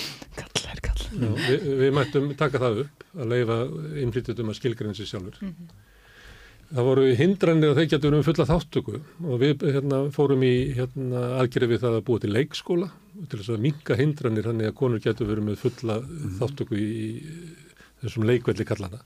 Hvað væri það í dag að hvert hérna, útlendingum? Það væri til dæmis íslensku námi, svo þú nefndir. Þá ættum við að vera með stór áttak í íslensku kjenslu sem væri á skala við uppbyggingu leikskólakerfisins sem að var til þess að, að, að konur mm. gætu orði virkið þáttakot í samfélaginu. Mm. Hvað getur við til þess að hérna, þessi hópur, 78 mann sem við virkir? Síðan vorum við með hérna, samkynniða. Hvað gerum við þá? Hérna, þeir samkynir fóru í göngu og við stóðum og tókum þátt í því til þess að sína að við viljum að þessi hópur sé í hérna, fullgildur hérna, þáttakat í samfélaginu. Og af hverju gerðum við það? Vegna þess að þessi hópur, til dæla fáminni hópur varð fyrir endalösu skýtkasti og svona eins og við erum verið að rifja hér útskúun, útskúun sem er í gangi í dag. Sem er í gangi í dag Þannig að þeir sem ekki vilja vera sko hreit einhverjum íllundum að einflýtjandum mættu bara að hérna, ég held að það verið 2010 að þá, ég veit ekki hvort það munið að þá var ganga hérna niður skólaverðstík niður á Östuföll af því það var hérna voru kúpanskir feðgar og verið rættir út á landi mm. með, með svona rasisma ógeði. Ég var í þessari göngu og hún var risastór og þar kom sama fólk sem sagði ég vil ekki bú í samfélagi sem er litað af einhverju útlendingahatri. Í, hérna, í Þískalandi eru reglulega svona göngur sem eru eiginlega gegn hérna, áróður í hérna, Alternative for Deutschland sem að vilja bara vísa öllum útlendingum úr landinu mm. og þá fara þjóðverður út á gött og segja við viljum ekki svona samfélag Við viljum ekki samfélag þar sem að hatri færa að loga. Mm -hmm. Þannig að ég held að við höfum að taka það alvarlega í hvað stöðu við erum. Ja, ja. Við höfum að læra af sögunni hvað við höfum gert vel. Því voru að segja það að stundum gerum við hlutina vel. Mm -hmm. Við erum margir sem held að við fram að við stöndum framalega í kvennabaróttu. Við stöndum framalega í réttundum samkynniðara. Mm -hmm. Hvernig var að standa framalega í réttundum innvítenda? Hérna varði að því við vorum að koma aftur inn á þetta með skólan en það er stutt eftir því gáðu alltaf því komin fram yfir tímamörk þetta er líka nefnilega verkefni sveitafélagana og það er að, hérna, að vera með skóluna tilbúna til þess að taka móti fjöldunum og gera það vel vegna sem við erum að fá einn krakka sem að hafa kannski aldrei gengið í skóla það er alveg raunveilsmálin þetta varst að koma inn með marka en þetta er nefnilega sko, það, þegar við tókum svona húsnæðis átök og þetta er í raun og veru kjarnunum rétt sem þetta segja þetta var fólk.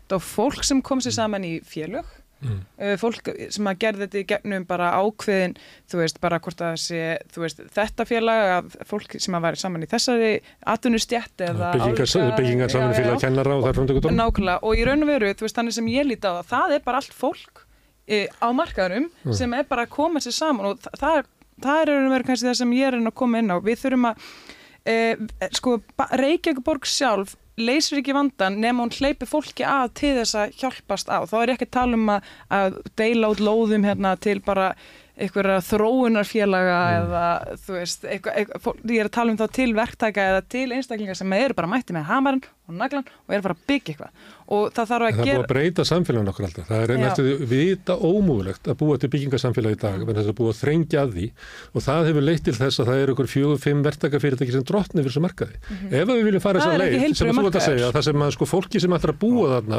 stýrir um uppbyggingunni, mm -hmm. að þá verðum við að breyta lögum og við verðum að ákveða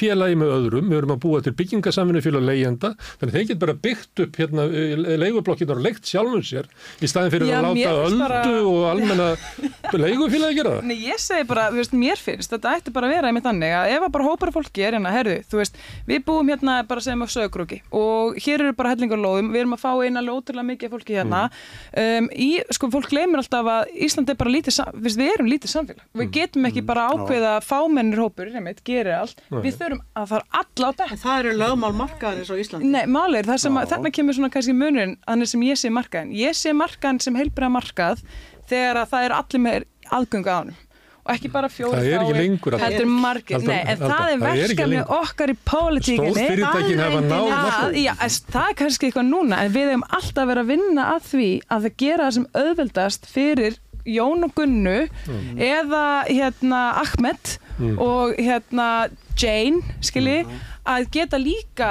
þú veist, farið og bara hugsa með sig, herðu, núna ætla ég bara að fá að byggja mér hérna hús um, ég er hérna að fæ lóð til þess og bara geta fengið slætaði með öðru fólki að byggja þessi hús og þegar að smá íbúa hverju var byggt, muni mm. þá var þetta þannig að þú fegst, þá eru fimm teknikar sem þú kannst fengið fyrir borginni og þú veist, fólk var, ok, það voru ekki allir vegi tilbúinir, það voru ekki allir skólir komin það vantaði bara húsnað, það vantaði það strax mm. og fólk gæti bara fengið tekniku, það gæti fengið sko, annarkot bara að vera með þetta fókælt og það getur bara farið að byggja og flytja inn í og við þurfum bara svolítið að fara þann stað núna sem við hugsaum, mm. ok, við erum ekki að láta ríkið eða borgina að gera þetta allt með að vera með allt í hönnu til mm. fjóra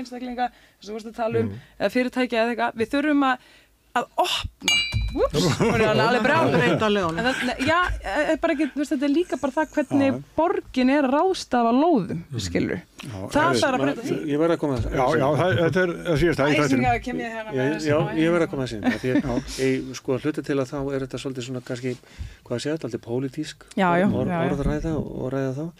En, en sko við sem erum kannski orðin aðeins aðeins hérna, hvað ég var að segja, skólu svolítið í samfélaginu gegnum mörg ár mér finnst alltaf holdt af og til að rifja upp sko bara orðina styrmis Gunnarssonar mm. sem náttúrulega þekkti þetta samfélag alveg út og inn og alla innviði, alla kraftana sem að hafa sko kertið áfram í áratíi þegar hann sagði sko Íslands samfélag er bara ógeðslegt það Já. eru engar hugssjónir mm. það eru engin móral það eru engin samstað, þetta er bara hagsmunir mm -hmm. og þá bara hagsmunir og hagsmunir að gæsla þeirra mm. sem hafa völdin í samfélaginu hverju sinni Mm -hmm. og þegar við erum að tala um að einhverju virkur markar á Íslandi hjá svona örðbjóð það er ekki til. Já, það er bara ekki til. Já, ég, sko, þess að markaðir við þurfum ekki að fara, fara, fara skiltandi dýbra heldur en bara í grundvallar sko lögmál markaðarins virksmarkaðar og þau lögmál eru ekki í ganga á Íslandi. Þetta er svo virt fólk sem er hérna við fáum þau bara öll aftur á rauðaborðinu.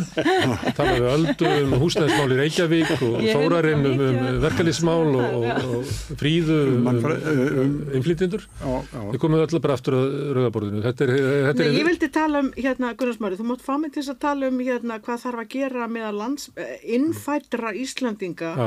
í innflyndamálum Segja það en þá ætlum við að þakka ykkur fyrir. Já, já takk fyrir. Það er Hallfríður Þóraværistóttir Þórarinn eða fyrir kallar Toggi. Alfríður Þórarinn stóttu í kallu Fríða. Og Ragnhildur en eða kallu Alda. Já, já, mér er það. Ragnhildur Marja og kallu Alda. Takk fyrir kjærlega fyrir komuna. Takk sem við leiðum Við sýtum eftir að venju Bara gera það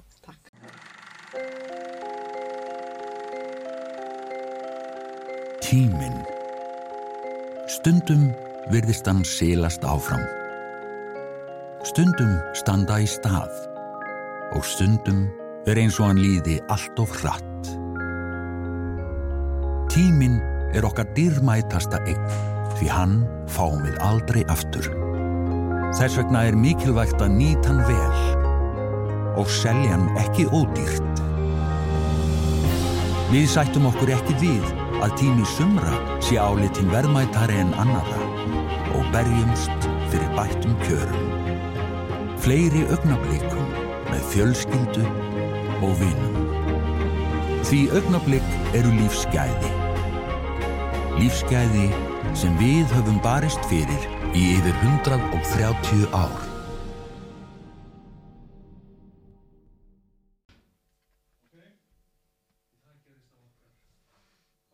Aftur. Hérna sittum við eftir bræðunir. Egilsinir, Sigur Rón og ég. Ég heiti Gunnar Smári. Sko, það er eina umræðin hérna áðan. var svolítið svona lífleg og mm. svolítið út og söður og sem að mér finnst, sko, stundu finnst manni umræðan sjálf vera merkileg, ekki, þú veist, allt sem er sagt. Því að mér þetta bera svo mikið vott um hvað þessi umræði er umvel rá og hvað það, hérna, hvað við eigum eiginlega bara langt eftir sem samfélag að, að, að ræða þessi mál. Já, við vorum heppi með viðmælindur. Þetta gekk mjög vel í semrað og ólík sjónamið og, og, og svona af og til og fór svona tókstæðins á, eða er ekki allir sammála. Nei, en það er bara, það er gráðlega er það, að, að þessi mál eru, er, sko, er eins og sé búið skrúa frá vasslöngu á, á fullum krafti og engin heldur í endan, sko. Mm. Þetta, þetta er sullast yfir allt og alla þessu umræða mm. og, og það er bara vond mál og, mm. og í þessu máli verða sko fórnalöfum, sko. Já, já. Það eru hérna, 78.000 innflytjendur á landinu Já. og það er, það er, það er amerísk stuttak sem heitir hundablýstur, þar sem að stjórnmálumenn tala. Þeir, þeir tala, það er ekki að benda beint á það sko að það séu með rasisma mm. eða þú veist að vera íta undir útlendinganduð. En orðfærið er þannig að það er svona svigrum fyrir þá sem að hafa slíka, slík viðhorf að upplifa það mm. að stjórnmálamadurinn, hvað sem er Bjarni Ben eða Trump eða eitthvað, er að svona okkeia þeirra viðhorf.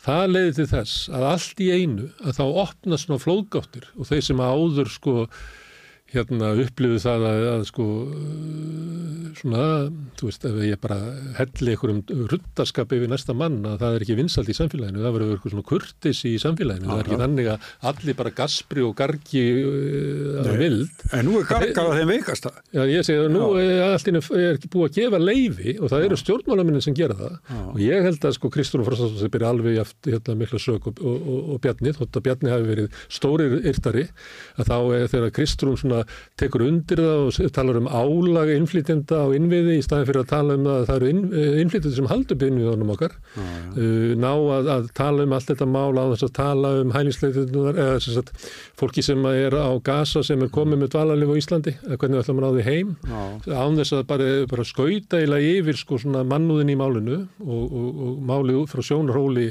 innflytjenda og hælisleitunda þá Ég, ég saði náðan að ég bara, ég vil ekki séð Íslands samfélagi í verða standi heldur nú. En munurinn á, á Bjarn og Kristur núna er náttúrulega svo að Bjarn er gerandi málunu, en ekki hún. Já, það er eiginlega mjög erfitt að segja annað en að það sem hann lagði fram hafi verið mjög rasist. Já, já, hann er líka gerandi. Hann er formaður stæðsta Já, hún er það náttúrulega sem formaður sko staðsta stöðrasturflokksins eða í fylgi, það er bara það gríðarlega mikilvægt. Já, hann er í útaríkisáðinu. Já, gríðarlega mikilvægt hvernig hún velur orðsins. Já, sko. vissulega, ég er ekki að, ég er að dragu því, þú mátt ekki miskila mig. En nú eitt, hérna, eh, varðandi sko, eh, nú horfir þetta svolítið ólíkt við fólki.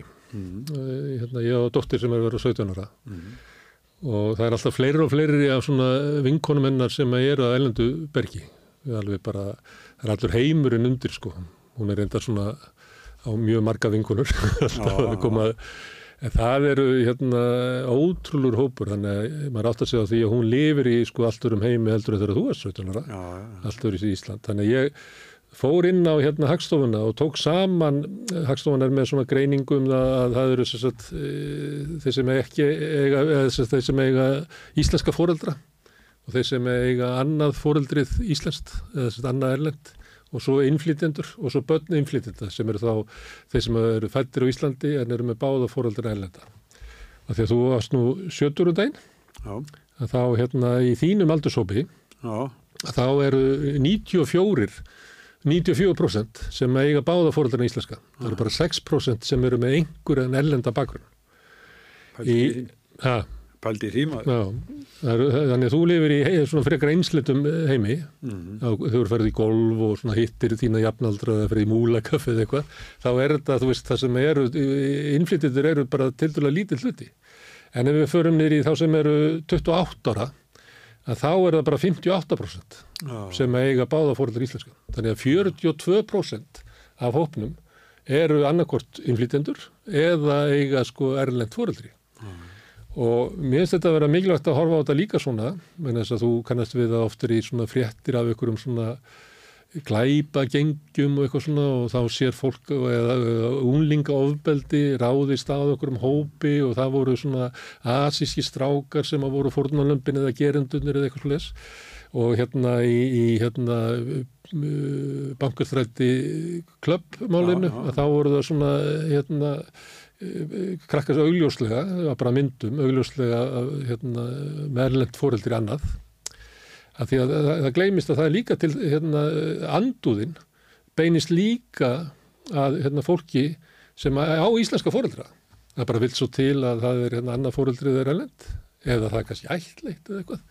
Og svo þegar þú gí, þessi umræða gís upp mm. og allt í einu eru sko það eru innflytjendur sem eru að grafa undan grunnkerfunum okkar þá beinist anduðin ekki bara hælisleitendum og ekki bara tiltegnum hælisleitendum, ekki bara útlýtingum almennt, Nei. Eh, heldur líka bara kakvast okkar krökkum sko, já, já. sem að og, og, og, og það sem að líka held ég að sé, hérna, ef þú ert til dæmis hérna bara segjum 17 ára strákur og pappiðinn er frá Afríku eða Norður Afríku og mammaðinn er bara úr Blöndus eða eitthvað að þá finnur þau fyrir sko anduðinni af því að þú ert ekki einna okkur það er ekki bara þú talar sko veika íslensku uh -huh. heldur er anduðin þannig að mér finnst þetta að vera ótrúlega alvarlegt ástand sem íslensk samfélag er í sko veist, já, já. við getum bara að lista upp sko Já, þetta er eins og, eins og ég segi, þetta er svona sem enginn hefur tök á umræðin, hún er farin svo víða og skvettast á svo marga já. að það er bara óvíst hvernig okkur tekst að, að skrúa fyrir þetta. Já, og þessum er svo mikilvægt að að fólk hugsa, sko, betur hvað, já, þessu umræða, ég kannu ekki alveg vita hvað ég að gera. Á ég að taka þátt í þessu, á ég að vera rakir það, sko, veikstaðista fólki á Íslandi sem er á jæðrið samfélagsins eða er á lágum hérna launum eða býri í yðnaðkverfunum eða er kannski landlaust og á lítið annað en bara föttin á bakinu. Á ég að taka þátt í því að vera rakir þetta fólk eða á ég bara að halda mig til hljesa því þetta er svo dónaleg umræða og það er svo mikið hérna, hít í inn og svona ég vil ekki að það slettist á mig eða ber mér sem borgara í þessu samfélagi að stíga þarna inn og stoppi það og ég held að það sem þarf að gerast núna það er bara venjulegt fólk sem að vill ekki þetta samfélag hatturs verður að gera eitthvað núna og bara núna í vikunni sko. Já, já, það er rétt. Og, já, já, og hver með sínum hætti Já, ég er ekki. Þetta er, þetta er ekki, ekki, sko. ekki nú gott sko. Og ég er svona, ég býð svolítið eftir hérna þjóðapúlsi Gallup núna. Já. Að, að hvernig þetta gerir sko, sjálfstæðarflokkun hefur sótt, sótt í sig veðrið sko í þessari umröðu mm. og hér er svona harðari. Og ég myndi freka að byrja til maskinu, að því að maskina mælir sko, þá bara samabörðu síðustu maskinu, að því að maskina mælir bara á svona vikur umlega viku, mm. þannig að þá færðu kannski mælingu svona hérna eftir að til dæmis viðtölum við Kristrúnu var og eitthvað fleira, mm. en Gallup er alveg yfir heila mánuð. Já, það, það hefur alltaf... ekkit, sko, langt síðan að Kristrún talaði svona en maskina hefur ekki verið með neina konun síðan. Þú lítur að koma bara í vikunni maskina, maskina reynir alltaf að vera svona rétt á undan gallup, ég myndi gíska að hún kæmi bara á, á þriðudagin eitthvað. Já, já, ég vona það. Það er því að það er alltaf erfiðleikandi með gallup að því það er dreift yfir heila mánu. Ég veit það, ég veit það. En kannski að þið gæti síðan sko munin sko fyrri hluta februar og setni hluta februar. Það, ég held að þar sko miðan og, hann að munin á fyrir hlutunum og ég að verið mjög forfinnilegur. Já, það er hérna uh, stjórnmálaflokkarnir uh, hérna þeir uh, kaupa ítar upplýsingar frá Gallup. Og þá sér þetta frá viku til viku. Og það er ekki, svona, er ekki alveg skotteldar upplýsingar þannig að Gallup byrtir þetta ekki. En þú getur kæft þetta. Þannig að þú sérð hérna, þróunin innan mánarins og það spurðist út í januar að í fyrstu vikunni eftir að hérna, fréttinar um, um sendiráðskipanir Bjarnar Benediktsson uh, voru í fréttum já, já. að þá uh, bara sjálfsálkur aldrei mælst uh, lítill í bara sögugalup og í, í ljósi þess að því að Bjarni Benediktsson færi þessar upplýsingar að þá ætti fólk að skoða hérna hvenar hann sendi frá sér förstudags Facebookið og hvenar hann skiptur um gýr ef fólk er að veltaði fyrir sér afgrunir að þessu að þá var þetta náttúrulega, hann hérna, var enn einu sinni að missa flokki niður í bara sögulegt lámark ah, og hann grýpur til þessar aðgerðað út af því. En þetta er leiðilegt að maður bara heyri þetta svona utan að sér, ah, að svona gallup eða bara fréttast og rúf eða eitthvað skul ekki vera með svona skýrari mælingar á þessu. Ah, Þetta er alltaf kynnt svona, já, hérna, ný, ný hérna, skonakonum Gallup og allir halda að það hefur verið konum sem var gerðið gær en hún er gerðið yfir langan tíma. Já, og inn í því er mikil saga sem aldrei er sögn, sko. Vegna, ef, ef, ef þeir geta, sko, hólfa hana nýður, sko, fyrir hlutan og senna hlutan. Það verður gaman að eitthvað undir splæsi í það. Já, Gallup gerir það kannski. Já, gera það en, en ég menna þetta er businessfyrirtæki þannig að þeir selja þessar upplýsingar. Já, já. Þeir bara eh, hérna, sendi þetta frá sér, gera samning við Rúf, hann er Rúbirtið þetta fyrst til þess að hérna, selja auglýsingu um, um Gallup sem skonakannanir fyrirtæki, svo hérna selja þeir annars við að taka kannanir fyrir þig eða selja þeir ítalega upplýsingar. Já, þannig að þetta óbyrjuð fólk eins og við getum ekki kæft þetta. Við hefum ekki gefnað þessu, sko. Við, hérna, við sósélitandi fáum styrk eins og frekter frá ríkinu en við tímum geiðaði í þetta. Nei, nei. Nei, svo er það eitt líka reyndar sem er farað hérna ábyrjandi hjá sjálfstæðisfloknum að ég hækka þessi mörg hérna, þeirra sem ná ekki fyrir Þorðu það nú ekki þeirra áreindi en það stangast það á við hérna, alla reglur í nágrænlandunum eh, ef við verum með við, nú er verið að tala um að hafa sambærlegar hérna, reglur og Norðurlandunum varðandi inflýtindur, ah. ef við verum með sambærlegar korsningareglur og á Norðurlandunum þá varu sólsætleginni á þingi. Þannig að kannski alltaf sjálfstoflokkurinn að jafna það. Þeir voru að tala um að breyta þessu þannig að sjálfstoflokkurinn fengi ekki styrk. En þeir, þeir þorðuðu ekki held ég vegna þess að, að það væri svo algjörlega skjön við það sem að týðkast í næstu Já. löndum. En það var, voru ekki 4,7% þetta er rétt undir markinu. Já, sko. við erum 4,1. 4,1. En það var langt yfir, það dög okkur fyrir þingmönnum í Nóri, Svíþjóð, Finnlandi, Danmörku, Færium og Grænlandi. Já, já, en ekki Íslandi. Ekki Íslandi. Nei.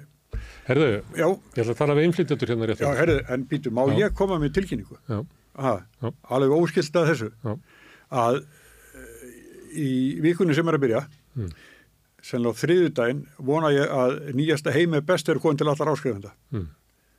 Og ef að umsemst hérna þá fer ég að byrja aftur með þætti hérna og þeir munu heita heimi best.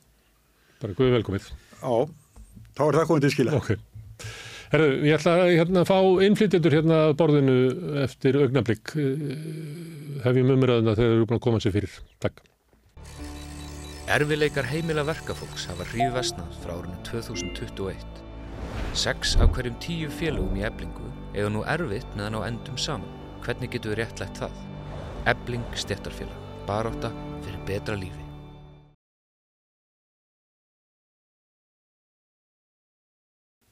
Já, erum við velkomin aftur.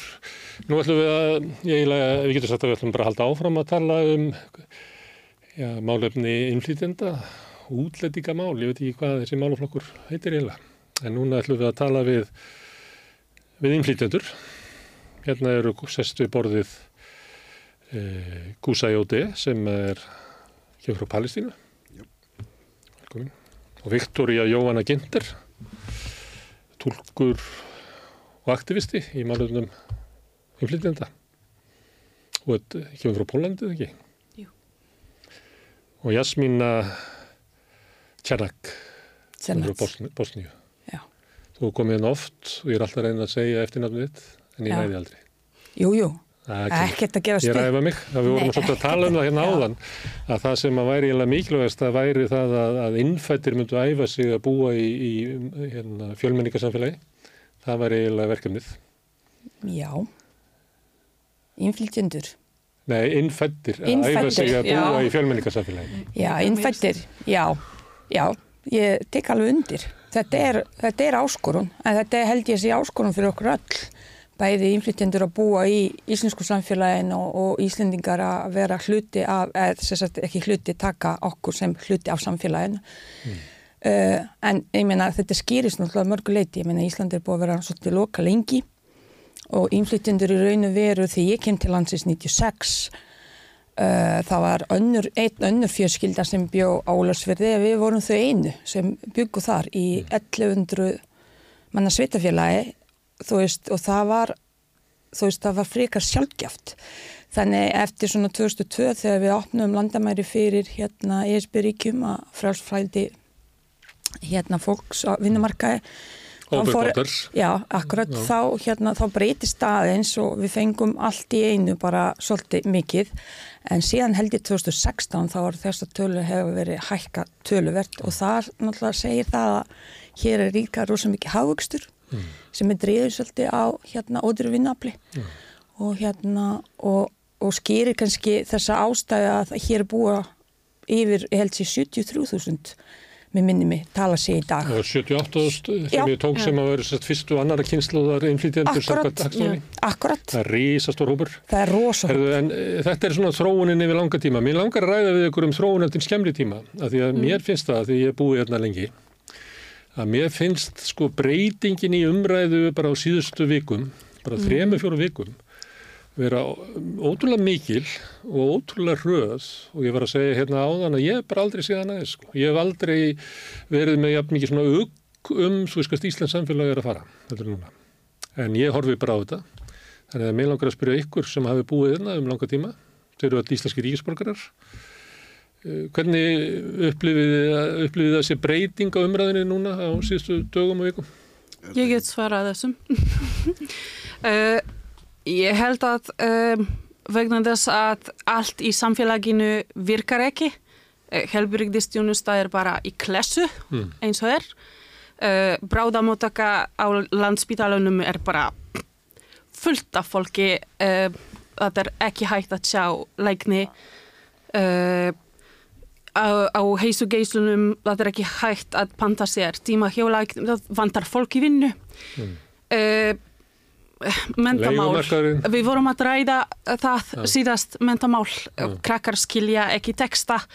Uh, um, Ísland í, í, í konunum uh, eða hvað heitir það? Samsettunum. Ja. í písa, það þessi písa? einmitt, þetta er rosalega látt uh, innviði er að springa ekki vegna innflytjenda, við erum að byggja það. Þetta er vegna turistabransa og uh, þetta er vannhæfi ríkistjórnar sem mm. gerði það mm. og núna við erum uh, svona blóra uh, bugull mm. fyrir þeirra mm. svona scapegoat -hmm. þetta er okkar að kenna já, þetta er ok, okkar að kenna En finnst það breyting núna á síðustu vikum? Um hvernig talaðu um þessi mál?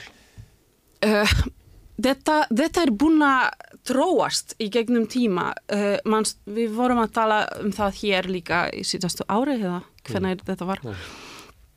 en uh, til dæmis þetta er rosalega auðvelt að uh, setja byrja eld í, í samfélaginu og um, setja eitthvað rángar upplýsingar eða gefa skort af upplýsingum til uh, tjóðfélagsins til að skapa eitthvað hugsun mm. og þetta er, þetta er það. Mm. Þú sagði, finnst þér þetta að vera, eða segja versna? Jú, jú, þetta er mjög versnandi en ég held að segja þetta er líka bara partur af hérna, kostningabaráttu sem er greinlega að koma, þú veist, aðeins og snemma veist, maður liður þannig og, og þetta er veist, þetta er bara það, veist, þetta, er, þetta snýst ekki um innviði, það er jújú, það er alltaf springja hann ekki út af útlendingum mm. og við vitum það öll. Það er miklu verra hluti að gerast í samfélagi heldur en þú veist útlendingar sem koma hérna alveg saman hvort þess að vinna, að læra eða eða beiningi hérna túrismi mm. þetta, þetta snýst ekki um útlendinga þú veist allt þetta sem er allt þetta vesti sem er að gerast sjúkra spítarinn er að springja mentun er að vestna þetta veist, þetta er bara að fóra á einni bretti millir emskip og samskip það, það, það var alveg hægt að laga flest þetta bara með svona mm. þannig að þetta snýst ekki um útlendinga en þetta beinist að útlendingum að þetta er skotmark þetta er, þetta er kostninga hérna jókerinn. Og finnst þér að, að kostningabaróttan geti verið háð bara á bakinu á þér og þínu fólki? Nei, hún er það alltaf. Mm. Ég, ég, hef kyn, ég hef kynst það, þú veist, alveg sem ég var lítið bann, þú veist, um leiðu það er, meina, við hefum séð þetta síðustu, hérna, 15-20 árum, þú veist, alltaf þegar að, hérna, þegar að nærdreyjur að kostningar, þá er að stríða á gasa, mm. þá er að árás á gasa, þá er að sapna atkvæði hér og þar og þetta er nákvæmlega sama taktík. Veist, þetta er nákvæmlega sama taktík. Þú veist, þú, þú þart að sapna þér atkvæði einhvern veginn og þetta er mjög öðveld Þú meinar að, að stjórnvöldi Ísrael búið til stríð á Gaza eða Vesturbakana með eitthvað stöður eða það eru kostningar Já. og ástandi sem er núna í íslenski stjórnmálum minniði á þetta, mennum bara búa til einhvern átök og stríð til þess að draga aðteglina frá raunmjölu verkefnum stjórnvalda. Ennmitt En þetta er ekki stríð, samt. Við nei, getum ekki talað um stríð nei, nei, nei, ekki stríð, en umræðan þú veist, rasismi að ala upp sundra fólki og þú veist, það er ég hef séta, ég séta þú veist, ég, ég þekki fólk fyrirvonandi mórum minn sem er vínum minn og eiginlega besti vinnu minn til margra ára hefur alltaf verið stuðningmaður palestinumennar allt einu hann er bara posta hérna, um Palestina og þú veist hvað er palestinumennu ræðilegur og hvað er við að venda okkur frá þeim og þetta og heitt og svona. Og þetta er stór mynd af þessu hérna já Áraðri. Já, núna. Þú veist, mm -hmm. Palestina er rosalega mikið inn í myndinu. Það er þessi 128 mann sem eru först út í Gaza, mm. sem eru, þú veist, með hérna, dvaralefi hérna á Íslandi, eru orðið bara, þú veist, þetta er rosalega byrði og þetta við verðum að, þú veist, að, að tala hátt, þannig við vendum okkar land og innvirði frá þessi 180 Fyrir fólki eins og þér? Fyrir fólki, já þú, Ef þú kemur til Íslands þá skemmur Íslands samfélag. Já, ég, ég, ég er greinlega búin að gera rosalega mikið. Mjög, mjög marga hluti sem eru mjög slæma. Þannig að það er Já, spina, ég manna að ég talaði við þig eins og því og þá varstu að lýsa hvernig breytingin varði í Bosníu bara næstu yfir nótt. Já. og var ótrúlega að heyra þið segja það hvað hérna bara Já, næstu bara yfir nótt. Mm -hmm. Þá er þú og þitt fólk skilgrend sem hálfur bara gakkala. Mm -hmm. Og þetta er ymta sem ég er að gera svona. Erum við í hættu við þessu að við bara missum eitthvað í íslensku samfélagi þannig allt í einu verður, ekki náttúrulega kannski allir 78.000 inflytjandunir en bara hlutið er að vera skilgrendi sem einhvern veginn bara ógn við samfélagið. Já, klárlega og við vitum það alveg. Þetta er hérna, ég fór og rætti þetta strax eftir hérna utanriksráður að koma með þessa yfirlýsingar. Hérna, þetta er bara spurning hvernig við hlut, setjum hlutni í samhengi. Ef við ætlum að tala um tjaldbúðir fyrir framann alltingi, það er bara allt í lægi, ég minna að það gildi lög og reglur hérna eins og annar starf og við getum alveg tekið þessu umræðu En í næstu setningu og eftir það kemur tala um glæpadýni og tala um hælislitundu og tala um herðalögin sem er samhengislust í rauninu veru. Það er eitt að ræða, þú veist, pólitíkina, hvernig við, við gerum okkur held ég flest öll bara grein fyrir því við björgum ekki heiminum. Það er, átta, það er margi miljóni manna að flóta. En þeir sem koma, við erum að ræða fólk sem kemur hingað, eh, sem er ekkit auðvelt, sjáu til, bara mjög flókið og erfilegir hvernig við ætlum hjálpa þeim. Uh, og það, af þessu sem er að koma hingað það er bara pínulítið hluti og þú hefur verið emmið fjallu um þetta á fleiri sem betur fyrr, það er kannski 350 manns sem er að setja kerfi á hliðina og það er eins og þú bendir réttilega og það er fólk eins og Kusei sem lítur öðruvísi út heldur ég kvít miðaldra mm. kona, heldur frekar uh, fólk með dökka hörund. Hér að koma hins vegar 70.000 og rúmlega það mann sem eru kvítir og, og, og, og er ekkit með þennan um, hérna, bakgrunn. Þannig við erum að horfa á að við erum að hérna, setja fólkið sem verður líka fyrir árásum hérna hér. Og við höfum verið alveg vitnað því og ég veit svo sem ekkit hverju reynsla fyrir veist, einstaklinga en allavega á mínu starfi og mínu hérna svona nánum uh, vinahópi fólk sem lítur um, sem er svona dögt og útlíti verður fyrir árásum bara jafnvel út á götu fyrir hérna, það er verið að kalla á fólk, það er verið að spurja ég menna yfirlýsingar um að hérna að kalla eftir þú veist, af, hvað er þetta að gera hér frá Palestínu og eitthvað svona. Allt í einu núna, af hverju núna? Það er vegna þess að umræða, politísk umræða snýst rosa mikið um að skilgreina fólk uh, frá miðausturlöndum eins og það sé einhvern veginn öðruvísi heldur allir hinnir. Á sama tíma við vorum að þetta ykkur segi var að tala um 120 manns, á sama tíma segi dómsmálar að þeirra við framlingjum hérna Úkrænu eh, hérna e, flótafólki ári viðbót. E, það er ekkert, þú veist, það er verðist verið ekkert stoppa inn í kerfinu þar en það, þar við erum að tala sko tíusinu meira umsóknum heldur, þú veist, þannig þarna er gefið okkur hérna svona, hvað maður segja, óbeint einhver skilabóð eins og eitt hópur sé æskilega meðan mm. aðrir eru það ekki. Þetta er rassísk og íslamafóbía í þessu. Já og, mm -hmm. og þú veist og það, það er, ég held það sé hættulegt ekki bara fyrir Íslandi, ég held sé almennt bara út í heim að við séum bara með þessa staðalýmynd að yfirfæra yfir alla þjóðfélagshópar, ég meina ég er ofta raukræða, ég meina á Íslandi er glæpatíðni innflytjendur sem koma hérna, þetta er bara staðreindir að hérna glæpatíðinni innflytjenda er uh, samanborið íslensku á sama leveli, þannig, en hér erum við að tala um að glæpamenn sé að koma til landsins. Og ef við erum að tala um glæpamenn þá er yfirleitt hérna, þá er yfirleitt hérna vísa til hælisleitenda sem koma emitt frá erfiðum aðstæðum eins og miðaustulundum en uh, í raun og veru hérna staðrindir svo að flesti sem koma hérna koma frá eigisbyrjum.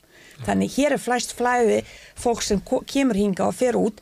Þannig þetta er að virðist vera, þessi hugdög eru rugglu saman, bæði hælisleitundu, flotta fólk, kvota flotta fólk, inflytjendur, glæpamenn, e, þú veist, allt einhvern veginn bara sjóða saman að þetta sé allt neikvæð og þá, þá lenda allir hópar undir, bæði inflytjendur, flotta fólk og skiptir ekki máli í rauninu veru Já, er, en, það, er það þannig, Viktoria, að, að það séu allir undir, af því að þú ert hluta pólska samfélaginu sem er langstæsta hópurinn? Já, já, ég, ég man tegar, þetta er ekki fyrsta skipti, ég man tegar, uh, ég kom til Íslands 2007 og það voru 3000 uh, pólverja hér, 3000, mm. rosalega lítið uh, samfélag. Svo árið setna það var 12.000 manns og um, sumir þeirra voru uh, að voru eitthvað glæpamenn. Og allt í einu var uh, búið til uh, hreyfing innan samfélagsins Ísland fyrir Íslendinga. Með svona logoið frá með mannin og polskum fána sem var að kasta inn í rúslatunu mm.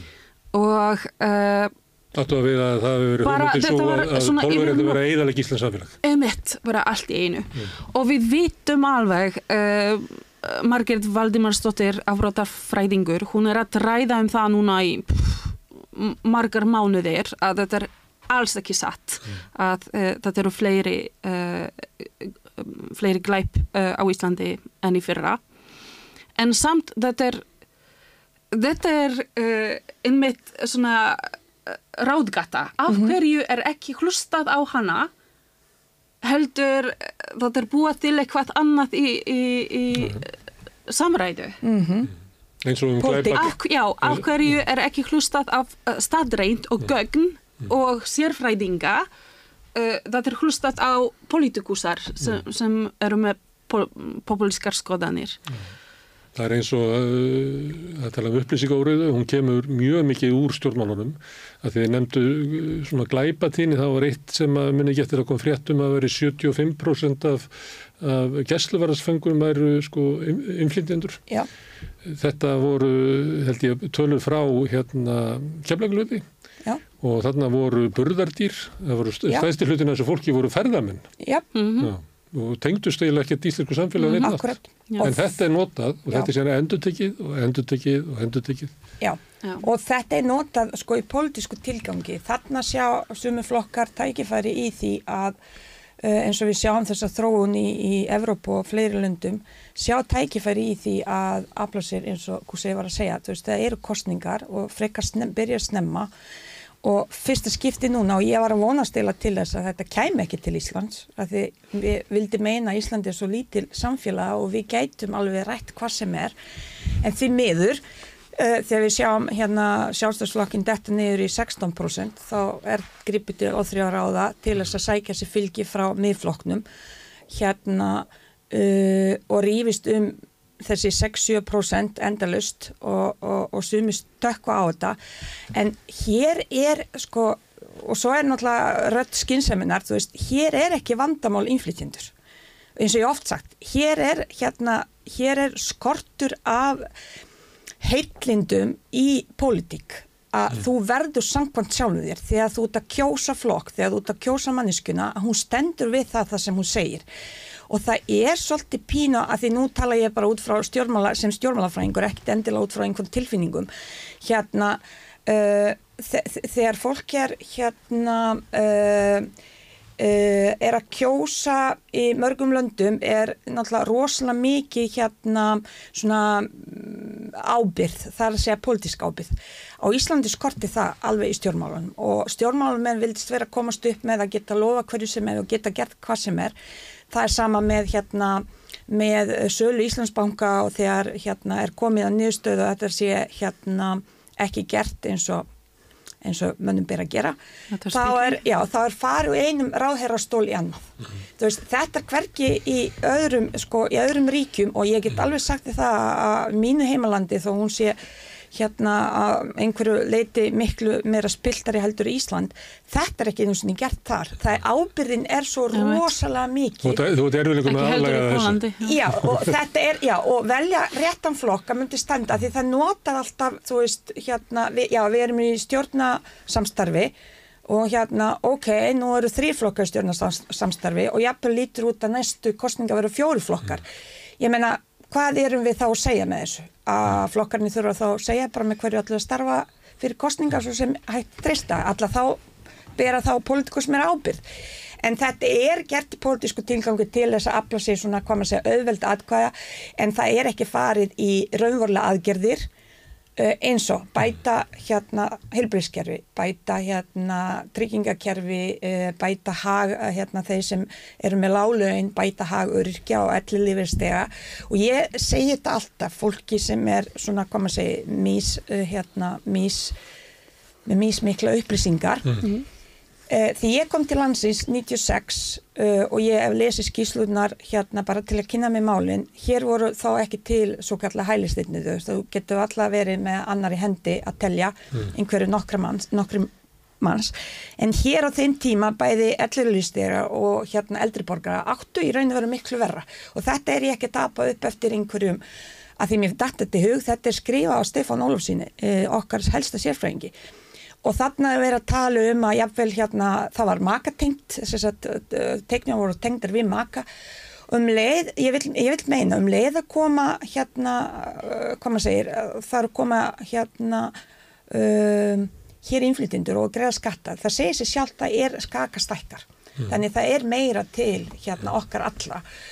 Og þá bara er þetta aftengt og, og tekjurnar hérna er ekki lengur tengt um maka. og ég vil meina að þetta sé hlýtur að vera, þú veist, að því hárun okkar hefur batnað en ekki vestnað hér er 20.000 manna greiða skatta uh, á hverju ári. Uh, og ég var einmitt að segja við þau hérna frammi áðan segjum það að við setjum alla þessa inflytjendur í mánu burti frí þessu 78.000 mm. hvernig myndi samfélag líta út hérna eftir hérna, eftir tvo daga? Ég held að það myndi fara allt á hliðin good night and good luck það er svo hvernig að verka alltaf á sín tíma. Er það talandi um svona rödd innflytjenda uh, hún er ekki sterk í samfélaginu. Það er alltaf verið að tala um innflytjendur það er ekki oft sem ég minna að það er engi fulltrúi af erlendum uppruna á þingi. Eitt skýrasta dæmi var hérna, þegar þið voruð niðri á hérna, Östufelli, Gúsæ þess að þið komið með kröfur ykkar. Já. og einn krafa var það að, að, að ráþeirar kæmu og myndur ræða við ykkur. Þeir gerðu það ekki. En síðan komið ljósa sko sjálfbáðlegar gáttu nýtt sko ykkar tengslanett og fleira til þess að berga fólkinu. En það var eins og sko stjórnvöldu ditt ekki hug að tala við innflýtatan Nei, það, það, eins og alltaf. Eins og alltaf. Það er engin, er engin áhuga á því. Það, er, það var búið að ákvæða fyrirfram. Þetta er náttúrulega þetta er allt, þetta er allt annað dæmi þetta er allt öðruvísi það er þjóðarmorð í gangi Já. Og það er búið að taka ákvörðin bara strax 7. oktober já, við ætlum að standa hérna megin og þú veist, það er bara ég veit ekki standa með Ísrael með Ísrael og þú veist ekki alveg ekki alveg rosalega svona mikið þú veist ofinbært eins og á öðrum stöðum en það er bara það er bara sannleikurinn og eins og vorum að tala um þú veist þetta byrjar að, þetta, er, ráðamenn sem byrja að segja tali þú veist þetta er gefa lefi skótlefi á fyrir alla hína þú veist sem eru bæði rasistar og ekki. Að þú veist þetta er flokkurinn þú veist þetta er, þetta er fólki sem við ætlum að ráðast á og þú veist það er að kemur frá ráðherrum og ráðamenn og þingmenn þú veist við hérna við skulum bara taka þetta málefni og tala um þetta svona og þá fara allir að gera veist, og engin áhugi á að tala við ykkur sem þekki hvernig ástandið er Nei, nei, nei, þetta er, þetta er innmitt, þú veist, ég horfi á þetta bara eins og, þetta er bara sandkastari. Þú veist, þetta er sandkasti sem, hérna, bara nei, ef það er ekki komið og beðið með, þú veist, ég þarf að hafa frumkvæði, þú veist, að, þú veist þetta er bara, er bara eins og lítið börn, þeir vilja ekki, þeir datta ekki til hug að koma og ræða málin. Þeir vilja bara að, þú veist, við, við græjum þetta, við veitum hvað er best fyrir ykkur og, og hérna, haldið þið bara til hagar og ekki tala, þú veist, við okkur, við veitum hvað er best fyrir ykkur og fyrir alla hina. Og veist, við ætlum að klappa baki af Ísrael að þetta er gott fyrir ykkur, fyrir palestinumana. Þeir vilja ekki slíta stjórnu sem hérna samandi við Ísrael af því þeir vilja geta rætt þetta við Ísraela um okkur og, og laga þetta fyrir okkur. Veist, þeir eru ekki að gera neitt, veist, þeir geta ekkit gert, veist, bjargið ykkur út úr þessi drullu. Veist, það er bara, veist, standa þar sem hérna, margættindi á að standa. En ég held að það er búið að taka ákvörðum, það er búið að kannski greiða fyrir þetta eða þú veist, ég, ég, þetta er óskiljalegt, veist, það er, að, veist, þetta er yngu hug og þetta myndi viðgangast svona. Ég er búin að harfa á það sem er að gerast í Palestínu núna í 45 ár, allt mitt líf. Það er ekkert nýtt í þessu, það er alltaf hefur verið dráp, nögun, eðliking, kúun, hernám, allt er eins og búin að vera í 75 ár, ekki kannski miklu magni eins og núna í einu, en þetta er allt búið að vera í 75 ár. En það sem er nýtt er heimurinn og sérstaklega hérna á Íslandi. Og veist hvernig er viðbröðið við þessu, stuðningi við Ísrael. Ég meina hverjum þetta í huga hérna að segja að þú veist Rússland hefur rétt á að verja sig ef Úkrænum myndi skjóta á, á Rússlandi. Þetta er hernam og þetta er hernam. Þetta er búin að vera í tvö ári á og þetta er búin að vera í 75 ár. Það er engin munur. En það er greinlega eitthvað munur. Það er hver er munurinn? þú, ég, ég vildi að ég hefði þetta svar. Þetta er, þetta er, veist, þetta er náttúrulega peningar. Hvar, þú veist, hvar græður veist, þetta er has, hasmunni En hérna, aðeins að ég vilji hérna fara með þetta í umræðum um Palestínu, af því að við erum að tala um innflytjaður í Íslandi. En hvað segir, meinar þú það að, að munurinn núna, með þessi 45 ár sem þú er búin að vera á lífi, Já. er það að stjórnvöld á Íslandi og stjórnvöld á Vesturlöndum styðji Ísrael meira núna afgerandi heldur en áður var. Já, þetta er, veist, þetta er einum, veist, þetta er mesta sjokkarandi í þessu, veist, ég hef séð það allt heitt, ég hef séð það allt saman, það er ekkert nýtt, það er ekki nýtt nýtt, dráp, nögun, veist, og bara allt saman. Og við öll höfum séð það, ekki svona mikið, er, það er eitthvað go- gott að koma út úr þessu, því mýður maður segir svona, en það er eitthvað gott, við veitum allt hvað er gerast núna, þetta er sest, þetta er í beinu útsendingin, allt allir út um allan heim sjá þetta. Það hlýtur að koma breyting en það er ekki að koma frá stjórnvöldum. Og það er ekki að En frá almenningi, finnur þið fyrir meiri stuðningi almennings við... miklu, miklu, Miklu miklu meira. Og veist, það er, þú veist, heitt er þú veist, þarna rasismi og þessi ljót umræði og allt þetta er þú veist, jú, að, að gerast en stuðningin er margfaldast. Jú, Þetta er alltaf minni hluti sem er Hávær. Hávær, já, og er að eðlilega allt. Já, til dæmis mér langaði að uh, tala um það uh, hvernig uh, íslenska tunga er notað sem vopn mm. gegn innflytjendum og þetta er rosalega dapur mál og vegna þess að ég er búin að ræða það upp og nýður núna í mörg ár að þetta er ekkert í bóði til að krefja fólk að tala erfið tungumál mm. skiluru og uh, við þurfum að skoða á uh, innflytjendur ekki sem eitt uh, massi af fólki bara ein eitt hópur, eitt hópur allir saman Uh, það er rosalega fjölbreytt mm. og það eru margir inn í, inn í það. Það eru ungir og, og gamlir og uh, fólk með gedraskarnir og dyslexju eða uh, alls konar vandamál sem gera það að þau geta ekki lært tungumál eins fljótt og ég og þú eða, eða hann, skiluru. Við erum í, í, í, í um, uh, hvað heitir það? Forréttindum. Forréttindum, já, einmitt, takk. Og uh, við megum alls ekki uh, leggja það á fólk að tala tungumáli án þess að bjóða upp á eitthvað. Mm. Og mm -hmm. það er ekki, ekkert í gangi. Það eru nokkrir litlir tungumálaskólar sem eru að bjóða upp á uh, kennslu frá level 1 til 5 mm. um, allt er rosalega bland ég myndi segja og ég tekki fólki sem eru búin að klára það trísvart sínum og kann ekki að tala tungumáli enda. og svo er ekkert ef ég klára 5, hvað er ég góður í íslensku? Uh, það skiptir máli hvert þú er, hversu gömul mm -hmm. uh, ertu góður í stæfræði í staði Við, við, við hvað mm. talar við þegar þú ert komin heim þú veist hvort þú, þú hefur íslenskan vín eða Já, maki ertu að eða, vinna 12 klukkutíma á dag og, og læra og kvöldi með ekkert í huganum til að fókusa á, og einbeinta sér mm -hmm. á, á kennslu þetta er alls konar sem sem spílar uh, tátt inn í þessu. Þannig við megum ekki að krefja fólk að uh, uh, kanna tungumálið á, uh, án þess að bjóða upp á uh, tungumálkenslu á vinnutíma eitthvað frá, uh, um, frá ríkinu til dæmis eitthvað program sem, sem er að gefa fyrst tvö steg af tungumáli ókeipis ef, ef, ef þú ætlar að klára það. Uh, bara eitthvað. Og það, skilda, það vandar líka skilda fyrirtækja eigundur til þess að kosta tungumálan á starfsfólksins.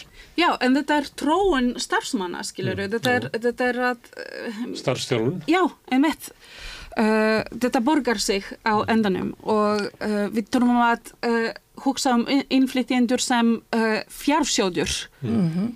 ekki eitthvað hræðilegt uh, ekki byrði. Já, Meina, hva, hvernig ætlum við að hugsa um þessi 78.000 manns núna? Veist, það, það er, veist, það, þetta er komið veist, þið losna ekki við þetta. Þetta er, þetta er erum ég til að vera? að segja við erum ekkert að fara. þetta er komið og þetta áttir að markfaldast. Æjæj, sorry en, en það er annarkort annað þjóðamorð og, og losna við þetta mm. eða vinna með þetta og veist, hvað hva ætlum við að gera? Veist, þetta er ekki spurningum veist, hvað hefur verið gert og svona. Við erum 78 núna. Og það er örgulega þú veist markfald meira eftir nokkur ár. Hvernig ætlum við að díla á þessu? Ætlum við að loka mm. og, og, og halda svona umræði bara að við verum að loka landamæri. Við verum að klippa, klippa kallana og loka fyrir konurnar þannig ekki fleiri eða ætlum við að þú veist ætlum við að gera eitthvað í þessu? Ætlum við að nýta og, og þú veist og, og þú varst að tala um 2006-2007 þegar að kom upp umræðum glæpa menn frá Bolvíri. Og við þekkjum það öll. 2006-2007 Ísland byggðist Ísland kom út úr kofanum í rauninni 2006-2007 Eða fjalla ykkur og alla byggingar. Þú veist, ég menna hver byggði helming af Reykjavík, þú veist, það eru polveri á þessum árum. Og við horfum ekkert á það Já. Hérna, við vorum að tala á þann um, uh, það eru svona marréttita baráttur sem samfélagi hefur háð, til dæmis kvennabaráttan og það, hérna, konur höfðu ekki, voru ekki fullgildir þáttaköndur í samfélaginu og það þurfti alls konar átöki því, konur þurfti að fá skilgræna sér sjálfar, ekki að kallandi vera skilgræna, hvað þær vildu og allt þetta sem að kannski mætti taka upp í, í baráttu innflytinda. En það voru líka svona uppbygging leikskólana til þess að konur getur haft fulla þáttöku í atvinnu hérna lífinu Það er svona langum að spyrja þegar voru nefna íslensku kjensluna. Ættu við kannski að horfa á íslensku kjensluna sem eitthvað slíkt verkefni sem eru svipað og leikskólanir til þess að fá fulla virkni frá konum til þess að geta tekið þátt í, í samfélaginu. Að við þurfum bara rísa átak í íslensku kjenslu fyrir innflytjendur. Klárlega. Klárlega. Klárlega, það er ekkit spurning. Eða, mér finnst það ekkit spurning sko. Ég, það sem er hérna, það sem er náttúrulega mikilvægt er að, að stjórnvöld ákveða hvort ég ætlum að tala í íslensku eða ennsku hérna að því það er bara verðist vera, þetta er náttúrulega engi stefna í þessum málum. Já, þú áttu við að ef við ætlum að taka ákveður þar í íslensku, já, þá verður það að gera eitthvað í því. Já, nákvæmlega, já, veist, nákvæmlega og það er verið að tala um þetta rosalega mikið og, hérna, og ég hins vegar er alltaf að tala um að við þurfum að tala íslensku og, hérna, og þurfum að halda náttúrulega tungumál. Það er náttúrulega fáralegt líka að hérna, við eigum þetta og alla þjóðir, nú talir aftur sín stjórnmálafræðingur, alla þjóðir eiga sín sírkenni og þar með er íslenska tunga fyrir íslenga, þetta er menningaarfur og við hinn sem eins og þú heyri það, við erum öll að tala hérna allavega íslensku og margi hverjir. Og við tölum með hreim og við munum aldrei tala öðruvísinu með hreim, mm. það er bara þannig. Þannig við þurfum að hafa þetta hérna að tala um að við þurfum samlast hvort öðru. Hérna það er einmitt hluti sem Íslingar þurfa að taka til sín að við munum alltaf tala með hreim. Hversu góða íslensku þú sumir betra en aðrir auðvitað. En ég er sammála líka Viktorju að hérna þegar við erum að tala um að skilir það fólk að tala, taka tungumálið. Ég held að það sé ekki heldur góð leið að við setjum einhver lög og við höfum alveg verið að ræða það og líka... Skilir það hvernig? Þú veist, a, a, eins og í, í Noregi að koma og segja, herru, því verður bara að kunna tungumálið. Ég held að það sé ekki... Til að fá að vinna í landinu? Þetta er ekki gott húmynd. Það er, það, það, þú veist, það er það ekki. Hins vegar, mm. það sem við getum gert og ég hef alltaf bent á og líka inn í stýrihópi er það, eins og vorum að tala um, fólk tala íslensku. Það þurfa að vera alls konar námski eins og hún var að benda. Uh, ég var einmitt að hugsa á leginni þegar ég var að kera hingað. Ég hef alltaf spurt í mínu þegar ég var að starfa af hverju eru ekki námski fyrir börn í íslenska tungu yfir sumartíma? Veist, það er fullt að tækifærum. Foreldra vilja, börni vilja að læra betur tungumáli. Akkur er býðum við ekkert um það? Svari var alltaf, já en þetta er ekki skóli, þetta á að vera bara gaman það á ekki að vera gaman, ja. jú, fínt. En for, þegar krakkunum skortir, mm. það þurfum við ef þau, það er þarna einhver sem þarf á þessu þjónustu að halda akkur er ekki bjóðu upp á það? Akkur er rík eins og hún var að segja? Ég var líka leggja til og ræða sko eftir þrjú, fjör námskeið, segjum það ég veit ekki, ég er ekki sérfræðingur því. Eftir einhver A, B, C, D eða hvað sem þú klárar aðna, fyrsta, annað þriðjasti Eftir steg 2 þá getur unni í skúringum, eftir steg 3 þá getur unni, ég veit einhver verksmiði, eftir steg 4 þá getur unni í óbundbæra stjórnsýslu. Það þarf að hafa kvata og inn í kerfinu svo innflytjendur, og hvað gerum við? Nei, innflytjendur koma hérna til landsins og hérna og við helst veljum í skúringum, já, í skúringum mm. og alltaf við veikum ekki einu svona mentun. Nú er, uh, nú er búið að bóða einhverju breytingur þar sem er bara frábært En þetta sem þú varst að segja, þetta mm. þarf ekki vera litlu breytingar. Nú þurfum við að fara í átak. Vegna þess að ég er pínu hrætt út frá þessar umræðu sem er búið að breyta síðustu vikur að það verður átök vegna þess að umræða er svo ábyrrandi. Þetta er ekki skilgrind bara flottafólk. Þannig er allir eins og ég var að snefna. Allir settur undir mm og ég og hún og fleiri upplifum líka ókn af þessari umræðu þannig við þurfum líka stökva og verja þetta mm. ekki bara flótafólk, ekki bara hælisleitindur mm. við erum ekki tala um við erum að tala um risastóran hóp eins og við vorum að ræða okkur sem ég var að nefna 78.000 það þarf að hugsa núna ja. í átak leysa þetta og þetta er við þurfum að hætta að tala um þetta mm. og ástæða, test ástæða að ég hætti á Reykjavíkuborg það var einmitt út af því ég er orðið leið að tala, ég er orðið leið að vera neikvæð, ég er orðið leið að segja aftur það sama og sama síðustu árin þannig ég fór að gera eitthvað uppbyggilegt ég fór sjálf að fræða fólk talandi um það, mm. vegna þess að ég sé það að það er svo mikið skortur það mm -hmm. vantar þessi fræsla, það Já. vantar opna meira á samtalið Já. að við verðum einhverstað að byrja að leysa úr þessu og hvað er þetta fræða í Ég nefnilega stopnaði bara sjálf í svo ráðgjöf. Ég meina, hver, hver færði þig? Uh, Herði, ég er búið að vera í borga, já, ég er búið að vera í öllum skólum í Borganesi, uh, bæði, uh, öllum grunnskólum, bæði fyrir börn og hérna og fullorna og svo líka hérna á Salfossi Árborg. Ég er búið að vera í Vaffer, uh, ég er búið að vera verkefnarþreyfingunni og þau vilja fá mig ennþá meira. Ég er búið að vera í, á Sunnisabæ þannig þú veist þannig það er allir með sköpstaður er vilja koma að ræða við mig þannig það er fleiri sem vilja komast inn í þessu upplýsingar hvað við getum gert mm. það er orðið allir leiðir á því að það er ekki komið svar og ég sagði þetta í torginu, í þættinum, mm. það er það sem við okkur skortir. Ríki og sveitafjölu tala ekki saman og þar með, og það er ágrinningar og þar með sitja allt einhvern á hakanum og þeir sem vilja gera eitthvað komast ekki lengra vegna að þetta er heitt kartabla mm. en það breyti því ekki, ég held langt flest innflindir eru sammála um við þurfum bara að finna leið hvað er best fyrir okkur öll okay. Það er ímisatriði uh, sem allir innflýtendur eða samílegt og getur gett kröfum betri íslensku kjensla Akkurat, uh, við viljum það öll. Ég, ég víst við að veri líka bara auðveldri aðgengur á því að geta orðið íslensku ríkisborgari. Já, eins og þjóðverja voru að gera núna um daginn. En hitin í umræðinni Hann beinist ekki eins mikið kakvart ykkur. Þú kemur frá Pólandi, hörgutulegt fólk sem kom hinga til þess að byggja upp og þú ert svo góð í íslensku en byrju hér er Karl frá miðausturlöndum. Hann er ógn. Hvað gerist þegar að sko rasisminn og fleira kemur inn í þessu umræðu? Ég myndi ekki halda að veri bara 78.000 innflytendur sem að væru bara lausi við rasisma og íslamafóbíu og og þetta er nefnilega það sem hún uh, uh, mannfræðing nei hún, hún Hallfríður. Hallfríður var að segja það vandar fræði fyrir heimamenn um fjölmenning uh, ég var að stopna núna fyrir dækit mitt líka mm -hmm. tulkunar fyrir dæki vegna þess að ég var að vinna sem tulkur í 16 ár meira og minna sjálfbóðaliði eða verktaki og það sem ég sá er að þetta er skortur af hámentaðum tólkum mm -hmm. uh, og það er skortur af uh, samhengi uh, milli ólíka menning, menning, menningar heima Já.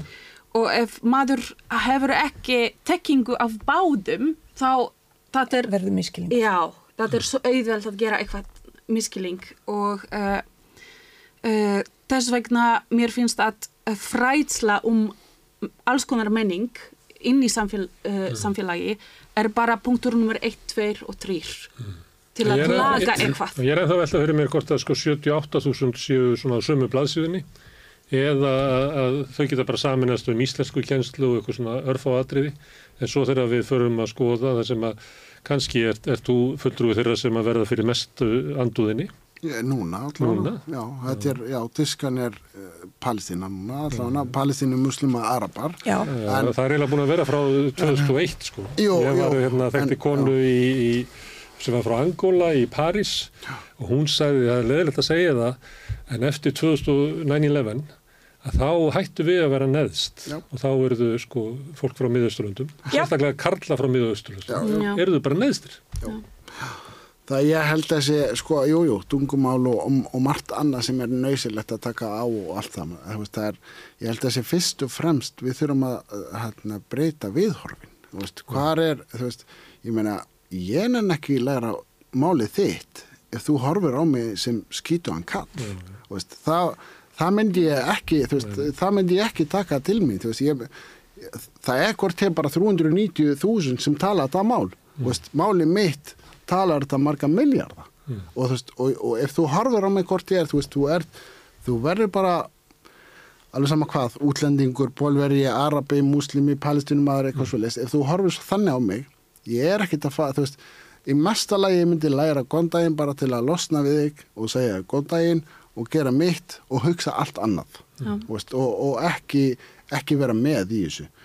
Ég læriði tungumáli af, ekki af því ég er snillingur eða eitthvað svo leist, nei, af því ég átti vini og fólki kringum mig og eiginlega allstar þegar ég var þarna, þú veist, það var bara það var bara mjög, ég var mjög vilkominn mm. og, og þú veist, það var lagt á mig og þau bara, hérna skulum bara tala veist, og -hmm. meira að segja vínum minn og hann bara, já, þú tala við mig á arabisku og ég skal tala við þér á íslensku -hmm. og við lærum, þú veist, þannig og, og það, það var rosa þægilegt veist, og ég læriði ekki bara tungumál, ég læriði menning veist, ég læriði veist, ég læriði Ísland mm. veist, og, og það kemur út úr munnina mér mm. þetta en ef ég ef ég fæ ekki þessi tækifæri og stundning já, þú veist, ef ég, ef ég er ekkert velkomin ef ég, ok, í mesta lagi þú veist, þú mátt vinna hjá mér. Mm -hmm. og, veist, og samt ertu skítuður ég er ekkert að fara að læra málið þetta er ábyggilega ágættis regla svona ef þið ætla að kenna ykkur um íslensku byrjið að láta viðkomandi upplöða hansi velkomin Já, ég hef alltaf sagt það, það er bara, þú veist, ég hef alltaf sagt það, í öllum fyrirlustum allstað sem ég hef komið, ef Ólafsfjörður hefur ekki tekið svona vel á móti mér, það væri ekkert stött hér í dag. Og það er það sem ég saknaðist frá þeim tíma. Í dag þetta hefur breyst mikið af því það verðist vera, fólk verður ég er alltaf að segja, fari á banki hjá nágrannunum og spurjið hvort hann hérna, hvort, þú veist, bara banki og segja bara góðan daginn, ég er nágrannin, ég bý hérna ef ég vantar eitthvað, þú veist, þú getur kom. En það er því miður og þetta held ég sé ekki bara innflyttindu, held ég sé almennt í samfélagin, fólk einhvern veginn dregu sér tilbaka og sérstaklega ef það er innflytjendur og flotta fólk það er guðmingóður, þetta er bara svo slemt þau er allir bara ræna okkur, nei við ætlum ekki banka, veist, sem er bara í lang, lang flestum tilvíkum ekki rétt, að því lang, lang flestir eru almennilegt fólk eins og ég og þú og fleiri og vilja bara búa hér og hafa sína fjörskildu en það er þetta, þetta er ekki einstefna, þetta er ekki bara innflytjundur þurfa að læra tungumáli eins og ég oft sagt, mm. þetta er í báðaráttir eh, þurfa líka að kunna taka á móti okkur sem tölum með hreim, okkur sem tölum ekki goða íslensku, ég menna ég segi það oft og, og hérna það er fólk kvolfur augunum veist, og um leðu sér það, þú talar við einhver og hann er byrjað, og ég seti svona fundi mm. í skólum, mm. þar sem kennari á kvolfu augunum, mm. þú veist og þú þart að pikka í og segja þetta er dónus búskapur vegna þess að hver tekur marka á þér? Ég meina hver vill læra þá íslensku til að tjá sig? Já. og svo eitt mjög mikilvægt. Af hverju ættu krakkarnir okkar sem það er talað um falli í, í, í, í framhaldsskólum ég hef alveg heyrt þetta af hverju á ég læra tungumóli þegar ég ætla að vinna lálinu starfi eins og pappi og mamma? Af hverju? Veist, hvað er ekki kvati til þess. Þannig þetta er verið svo eins og stefna að halda inflytunum niðri en við vitum með svona stefnur þegar haldi fólku niðri það kemur og hérna springur út. Emmett. þannig það þarf að leifa fólkinu. Ég var að tala um það þú veist það verður bylting. Já, ef þú ítur fólki út í hort eða eitthvað þá uh, á einhverju tímapunkti all, all, allir ætla að reysa og þetta ætlar ekki að vera um, fallegt. Já eigið við bara svipað og eh, segja bara í bandaríkjunum sem brótir niður verkefliðsreifingin og þegar það er búið að gera það þá rýs upp verkefliðsreifing innan Amazon og, og McDonalds eða þar og svolítið. Að þegar að fólk er, fólk er búið að sko, þau er búin að kúa það nógu mikið mm -hmm. þá mun það svona skipulegja sig og hefja bara. Hvað er, er skipulega innflytjönda? Þetta eru fleiri og fleiri innflytjendur sem eru búin að fá hér mm. alveg.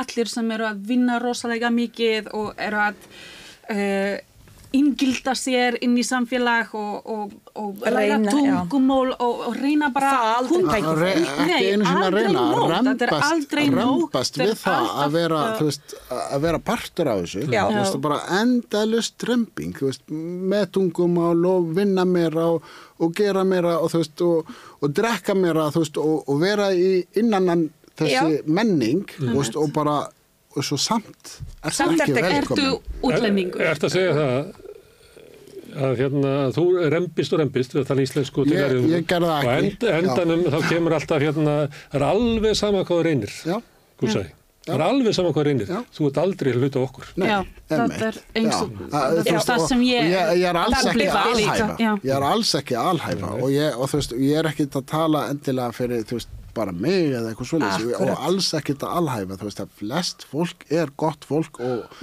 og bjóða velkomin mm. en, það er, en það er ekki nóg.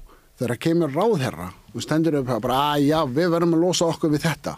Veist, og hann, þú veist ef ráðherran tala svona Já. ég meina, þú veist, við sjáum hérna í domsalum dagi, þú veist, það er eitt sem var hérna að þú veist, var að dæma hann fyrir hérna hriðverka málið mm. hann vittna í hérna auðaríkis ráðherran Já Hann sagði það að skoða bróður Björnamenn. Já, já. En, en hann sagði, hann talaði meira, held, þú veist, hann sagði meira heldur en ég sagði. Og það er alveg rétt. Já. En þetta eru kvítir íslendingar Emmett. og Já. það er ekki fjallað um það sem einhver stórmál ætti að vera fjallað um stórmál en það er fjallað um mögulega einhvern hælisleitendar sem er reyndar hérna sem emmitt að tala um hvernig virka lög og landamæri og lögla og svona, tala um það en það þurfti fjalla um uh, mannin frá Akureyri endilega endalust og alltaf vitna í það mál og jáfnveil sumir hérna svo ég hérna alveg bara svo ég ber hérna út ofinbarlega nixli mitt jáfnveil fólk með doktorskráður að vitna í einhverja tölur uh, sem eru bara, tók mig að googla tvær myndur ástaf fyrir því ég spurði þig hvað tók þetta langan tíma vegna þess að ég er nýbúin að þrasa um þetta þar sem er vitna einhverja falsfréttir frá einhverju hérna hávirtum háskólakennara hérna sem var tekið úr samhengi að tók mig tvær mínutur mm. að finna réttu tölu frá Danmörku þar sem er innflytjendur uh, af muslimskum upprúna og þar að segja líka frá Afrika og miðaustunum uh, glæpatinni var 3,8% en þarna var að tala um 67% mm. sem er bara svart og hvít en þarna fullt af falsfréttum sem er að reyna að mata okkur á mm. sem er bara ekki, ekki rétt og eins og hann segir, svo tekur fólk háskóla mentað ráðherra og fleiri að beina sjónahotnum eh, þar og allt heit einhvern veginn gleimist og þar með líka þessi íslendingar sem fremdu líka alvarlega glæp sem var hriðverk það fellur í skugga því það eru mögulega einhverjir sem koma í landamærum en við vitum það alveg þeir eru, þeir eru sendir úr landum hæl. Mm. Þú veist, það er ekki vandamáli. Við erum ekki að díla við það. Hérna í allri svona réttindabaratu þá byrja fólk að stíga fram og konuna sem að hófu hvenna baratuna það fengur aldrei að heyra það. Uh, samkynniði sem að hófu sína baratu þeir fengur aldrei að heyra það. Fengur aldrei svona skýt og skömm Er það þannig að, að, að nú er ekki svona sérstök svona, svona skípulu samtök umflýtenda sem er í okkur svona baráttu svona ekki svipa á leyenda samtökin eða ekkalísriðin er það vegna þess að, en vonandi. Að, að málfrelsi kemur í svona skömmtum fyrst máttu hérna, færið þú sem umflýtandi færið málfrelsi til að segja hvað við erum aðeinsleg hvað Íslandi er frábært, hvað vatnið er gott og allt svolítið en þú færið ekki málfrelsi til að segja hvað er að okkur við viljum ekki heyra það. Emmett. ef við viljum heyra hvað er að okkur þá ætlum við að segja það sjálfur þú færð ekki að málfrelsi til þess. Emmett. erum við ekki kannski stödd svolítið þar að þið eru varðla komið með málfrelsi til þess að segja hvað er að Íslandi en síðu hvað er að Íslandingum og ef við ætlum að gera eitthvað kröfur bara að við hlustum ekki á það. Já, ég var að tala um það með makka minns í dag einmitt.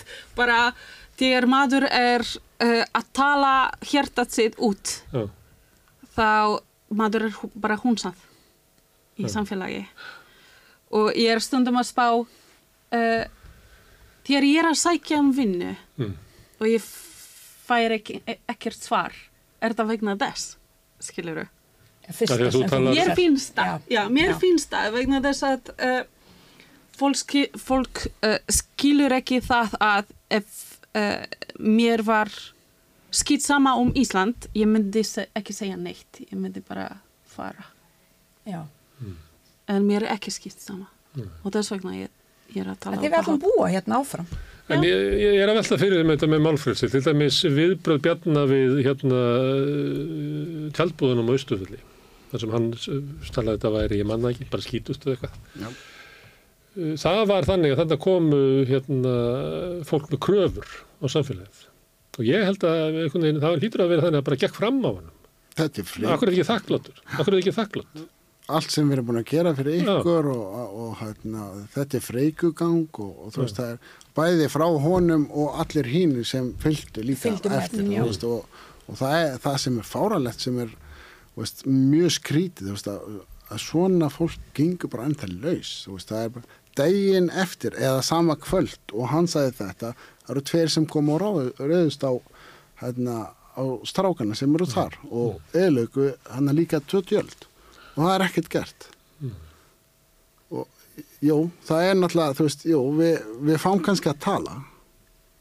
En það er ekkert hlust á okkur eins og þú veist, Nei, það er ekkert ekki markaði og, og, og við veitum ekki neitt, við veitum best. Við, við meðum ekki tala um okkar mál heldur, veist, það er ekki einu sinni rætt Já, okkar mál þú veist, nákvæmlega. það er að rástafna eftir. Okkur er aldrei bóðað inn í samræði um innflytjendamál nema á rauðaborðið. en, uh, En mér já. finnst það svo líkt eins og með, með konur því þú varst að tala um að tala hjarta sitt út ef við færum bara til 1970 og þú ert kona og segir þína skoðun bara, hún er búið, Viktoria, hún er bara, ald- hún er svo reyð eitthvað og Já. hún er bara einhver jafnvægi konan eitthvað. Já, ég fæ þetta reglulega, allan dag og alltaf, já, já, Já, já. þú veist, og ég fæ óspurðum fréttum, alls konar tilkynningar og ég er að flytja hamasliðana, þannig ég kannski get hjálpa kussi, hérna, hérna, eitthvað í þeim málum, Já, þannig það er- nei, þú veist, að fólk hugsa Já. þú veist, og það, hann var bara að taka mig inn í postan og segja fólki, hérna, Jasmina sem flyttur inn hamasliðana, þú veist, eh, þú veist, sjáu hvað, hva, geðveikin, hvað, hérna, þú veist, þetta er hérna, þetta er náttúrulega bara fáralegt að skuli fólkinu detta til hugar, að það sé einu sinni hægt. Ég meina, þú veist, fólk sem er að koma á Palestínu, við erum ekki að flytja inn eina hamasliða, við, við erum að flytja fólk sem er hérna börn sem eru, uh, sem eru, já, sem eru næstuði dáin, veist, og ef einhver á að skilja þetta þá er það fyrst og fremst ég, en að því ég stend með börnunum og því ég stend með flottin og fólk, flott, fólkin og flóta, þá er ég skotmarkið, svo er annars skotmarkað því ég er innflytjandi, þriða skotmarkað því ég er kona, Kona. í, kona að innflytjandi uppruna, þá er ég eitthvað að mér, það er eitthvað, ég er eitthvað skríti, ég er eitthvað ekki ert í eðlileg. Akkurat, og því ég er með svona og hins að ég er svo neikvað, hættu þessu, hættu vera of jákvað, hættu vera of neikvað, þú veist, Bara hægt að vera. Já, akkurat, og það er alltaf, þú veist, það er alltaf, þú veist, einhvern veginn svona benda eins og við sem ekki nóg, en það sem mér er, eins og hún segi, ég, hérna, mér er alveg sama. Ég ger þetta ekki fyrir mig, ég hef aldrei gert þetta neitt fyrir mig. Allt sem ég hef gert í lífinu, það er gert, ég ger þetta fyrir fólk, vegna þess að mér þykir vænt um vinnuna mína, mér þykir vænt um fólkið. Og ef ég kemst lengra með því að röddin mín heyrist, þá verður að hafa það. Og ég get líka sagt ykkur, þetta hefur áhrif að ég sé hávær, þetta hefur áhrif fjölskyldunum mín, á börnum mín Já. og alla aðra, en ég vel að gera þetta og þau styðja mig í þessu, þetta er ekki auðveld leið og ég mun alltaf standa þar. Og ég, eins og segi, ég er ekkert að fara, ég mun alltaf vera hér. Og ég er búin að segja bara líka bara eins gott að bara byrja að undirbúa sig, þú veist, vegna þess að ég mun fara lengra heldur bara að tala um þetta. Og talandi um samtökin ég er alveg sammála, ég, mér hefur dotti oft í hug og ég er farin að ræða þetta, það verða að stopna íslensk uh, innflytjendasamtök. Já, samtökið 24. Já, Eh, vegna þess, já, að því það er einmitt, það er verið að kalla eftir þessu. Og aftur og aftur og ég mun, eins og segi, ég er mjög góð í því að stopna alls konar og gera alls konar og svo læt ég hverfa, þú veist, og láta þetta blómstra veist, þetta varðar mig og mitt samfélag og þá er ekki að tala um mitt samfélag sem bosnins samfélag, mitt samfélag sem Íslands samfélag og alla inni því. Vegna þess að fyrir mér, Viktoria er alveg eins og ég hún segir alveg eins og ég og allra aðeir Íslendingar, hvort sem líka. svarti, já, ég er að segja það og allir aðeir Íslendingar. Skiptir yngur máli að því við búum í einu samfélagi. Emmett. og samfélag, þú veist, hvað er best fyrir okkur öll en ekki fyrir einhvern eitt hóp Já, ég er búin að, er búin að tala við uh, ansi margar innflytjendur sem eru með háfaði Já. og uh, þetta var upp í lofti alltaf eitthvað, ég er að íta á það að stopna einmitt bara politíska flokk sem er ekki bara fyrir í- innflytjenda en uh, fyrir fólk sem eru búin að fá nóg af bulli Já. sem er nú þegar til. Herðu, þið hérna stofnuð samtök, hérna, eh, en bara að tala um þetta málfrelsi, að því að já, ég, hérna, talandum alfrið Kúsa, já, því að þú ert hérna frá- miðausturlutum, Palestínu og kall, að því að maður kannast við það svona í svona bara litteatúr svartra í bandaríkjónum, að svona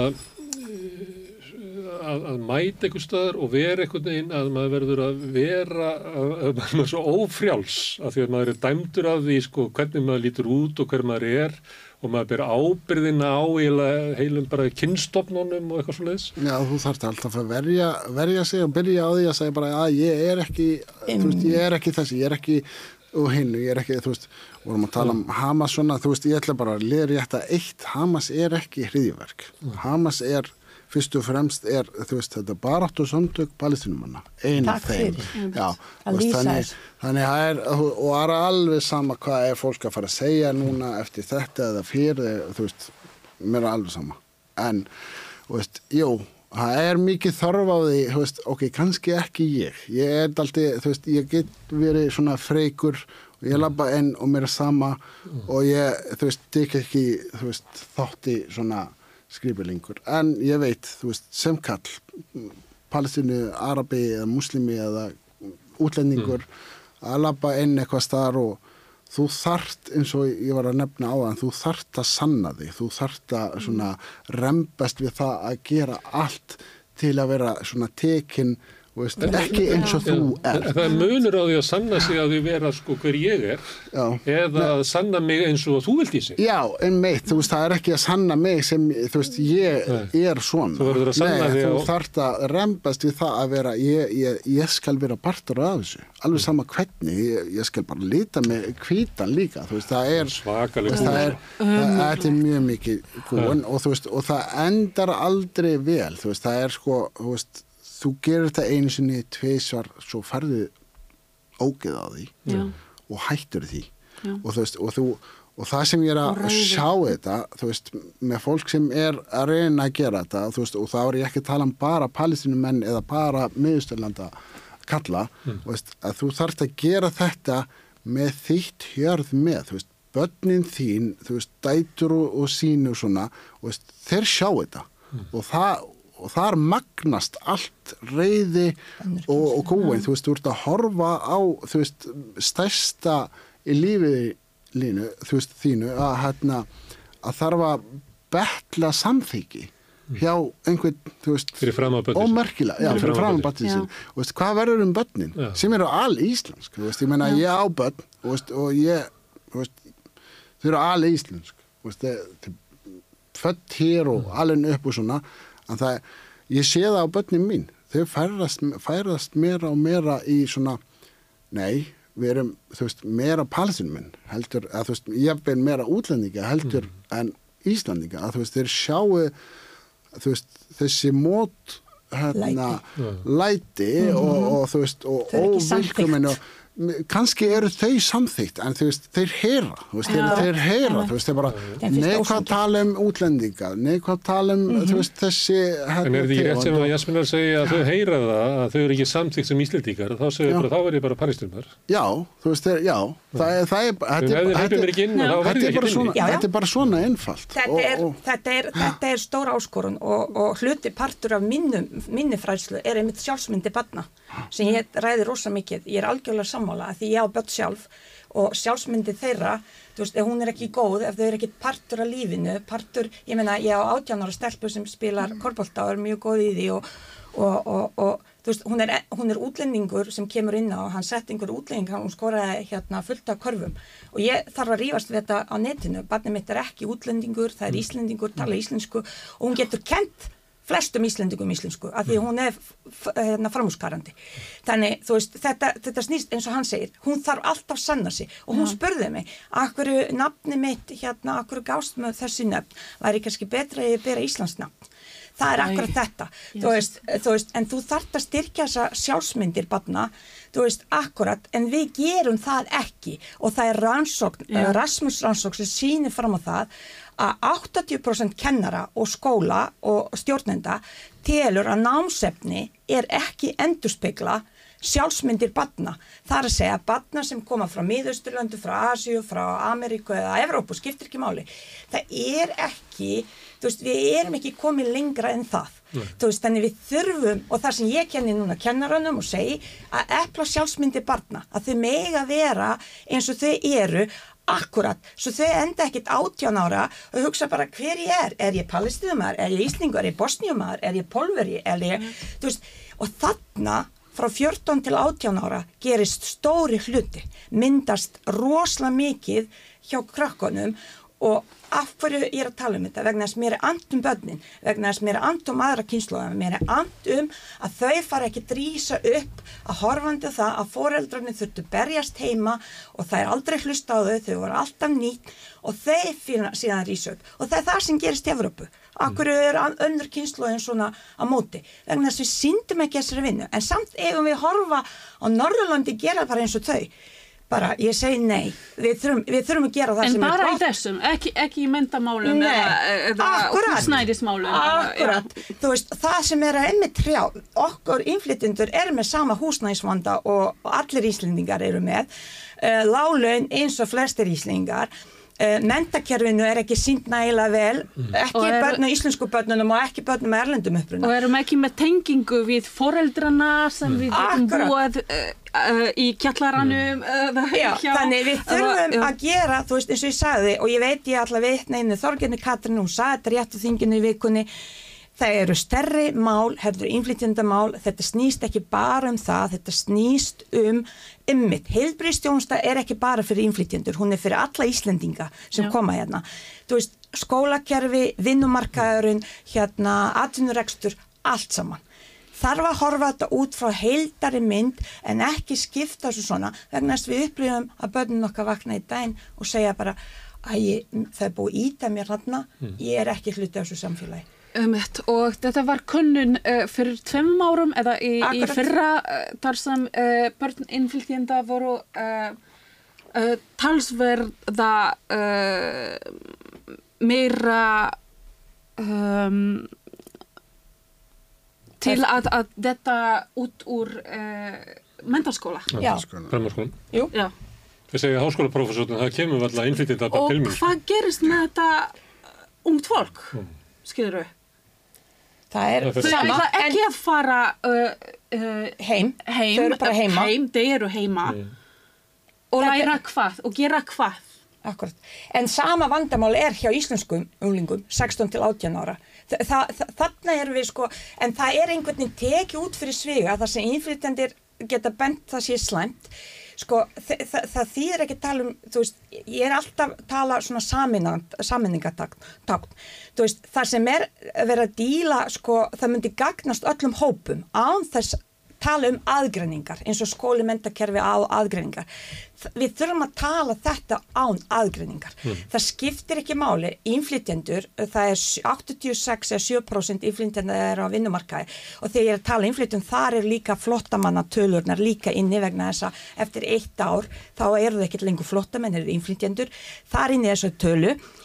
Og uh, við greiðum öll skatta Það er málið. Og hversu mikið og svo er talið um að við bú, innflytjundu búið þrengra, þau nýta minna félagstjónustu, þau nýta heilbristjónusmun minna heldur, við erum meira Íslendingar. virk í vinnumark, á vinnumarkaði. Að vinnumarkaður, þú veist, það væri mjög gott eins og góð vinnum mig sagði að taka alla þessar tölur og greina það.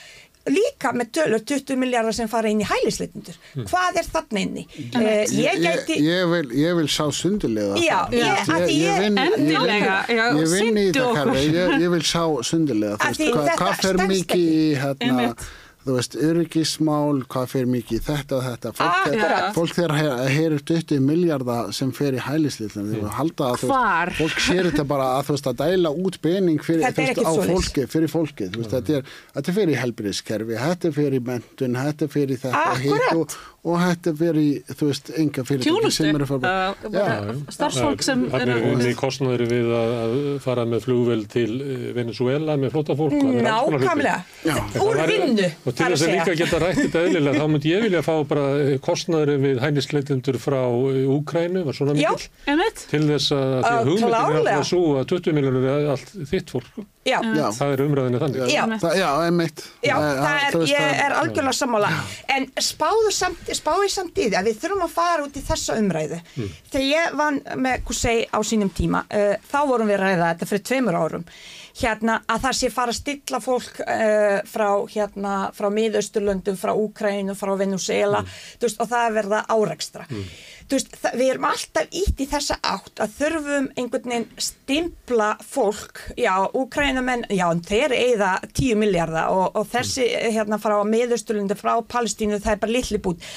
En þú veist en til þess að, stjórn, að því stjórnmálan nota þessa upplýsingar mm. Sér til framdráttar þá við hinn þurfum þá fara í hinn áttina til að krefjast þess mm. í hvað fara peningarnir sem er ekki heldur góð leið ef því þú veist, það skiptir ekki máli hvaðan fólk kemur. Það vandar hjálp og aðstóð og getum við sammælst um.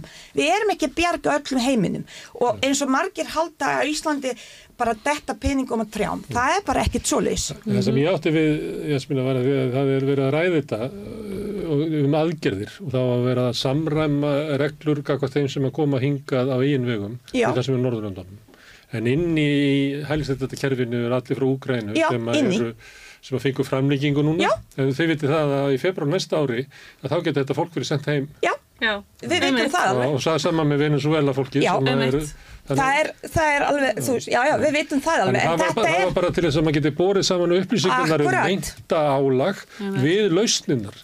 Akkurat. Því að það er alltaf verið að bóða ykkur á lausni sem ég veit alveg svona sæmilag törnaklokku maður að það, það leysir ekki þess að 20 miljónar. Nei. Það er bara langt, langt frá. Nei og píratar hafa oft líka bend á það, ég meina bara Ardís bendi þetta bara í vikunni, ég meina alveg sama hvað við gerum, landa, við verðum alltaf að taka móti flottafólki sem er koma að landamærum. Já. Þannig það skiptir yngur máli, við getum ekki stöða það nema bara hreinlega að loka landamæri en gildi það ekki þá er báðaráttur. Herðu ágæta fólk, ég ætla að þakka niður í innflytjandum að þið verðum að tala svo lengi. Já, vá, við gætum haldið áfram. Já, ég, hérna, ég hef sagt þetta, við, það er flotta fólk hérna á Íslandi sem eru að flýja í jarðvelda og ég sagði alltaf við að þeirra grindíkingunni komu yngað, ég sagði þið megið alveg nota hérna græjurna sem við erum með því að þið viljið búa til ykkar eigið, eigin sjónvastætti og ég er með sama tilbúð til ykkar, það er sárvantar sko umræðu mm. það sem að, að bæði ég get ekki þátt í að vera með umræðu sem er þá til fyrir hérna, innfætt eiru en mm -hmm. það vantar líka umræðu það sem að innflytjandi eru bara að tala um sín eigin mál Já, þakka þér fyrir. Já, þið með ég vera með umræðu íslensku og ennsku og arabísku og pólsku og hvað sem er. Þetta samstöðinu byggð upp til þess að verða umræðu vettangur og þetta rauðaborð á að verða umræðu vettangur í íslensku samfélagi. Æðislegt. Takk fyrir. Húsæði, Viktoria og Jasmína, kæra þakki fyrir komuna. Takk fyrir að tækifæri. Þetta eru lokin á þættinum Sinni Reils á þessu sunnundegi. Eh, við þakkum öllum gestum okkar kærlaði fyrir eh, og hérna minni á að þetta er samstagsverkefni okkar sem er að búa til þætti, bæði við sem eru hérna með myndafélina, ég og Sigur Jón bróðu minn og svo er Pétur á, á tökkunum fjölstað og svo er það þið sem að búið þetta til með því að vera að hlusta og horfa. Í hvernig til þess að vera virkið þáttakundur með því að benda vinum og vandavinum á það efni sem ykkur líkar. Segja frá því að samstöðin er á Facebook, á YouTube, við erum á öllum hlaðvarsveitum, við erum í útvarpinu og stór höfuborgarsöðinu 89,1 á FM og svo má nálgast útasettingarna líka á spilarunum og spilarinn er bæð á netinu, spilari.is og svo er spilari líka app sem á mann hlaðinur í síman og hlusta á samstöðin og allar íslenskar útastöður hvar sem er á, í heiminum og svo erum við líka komin í sjónvarpið til þeirra sem fá sjónvarpið sitt frá símanum þar eru við með fimm á fjärstyringunni, vonandi munu önnu fjarskiptafyrirtæki bjóða sínu viðskiptafernum upp á efni frá samstöðinu fljótlega. Þeir sem vilja taka þátt í uppbyggingu samstöðunar, þess að líðræðis vettvang sem það er, getið gerst áskrifundur, það kostar 2500 krónur. Þið farið þá einn á samstöðum.is, það er nappur sem ástendur áskrift og þið getið skráð ykkur fyrir eh, grunnáskriftin, þið getið borgað meiriði viljið og þið sem að kjósið getið látið áskriftin að renna sér félagsgjöldin í aldríðufélagið og það er aldríðufélagið sem áur ykkur samstöðuna. Allt sem við sjáuð hér og heyrið er í bóði áskrifenda og við þökkuðum kærlega fyrir. Ég verð hérna næst annað kvöld klukkan átta með, á rauðaborðinu. En góða helgi eða það sem eftir er afinni.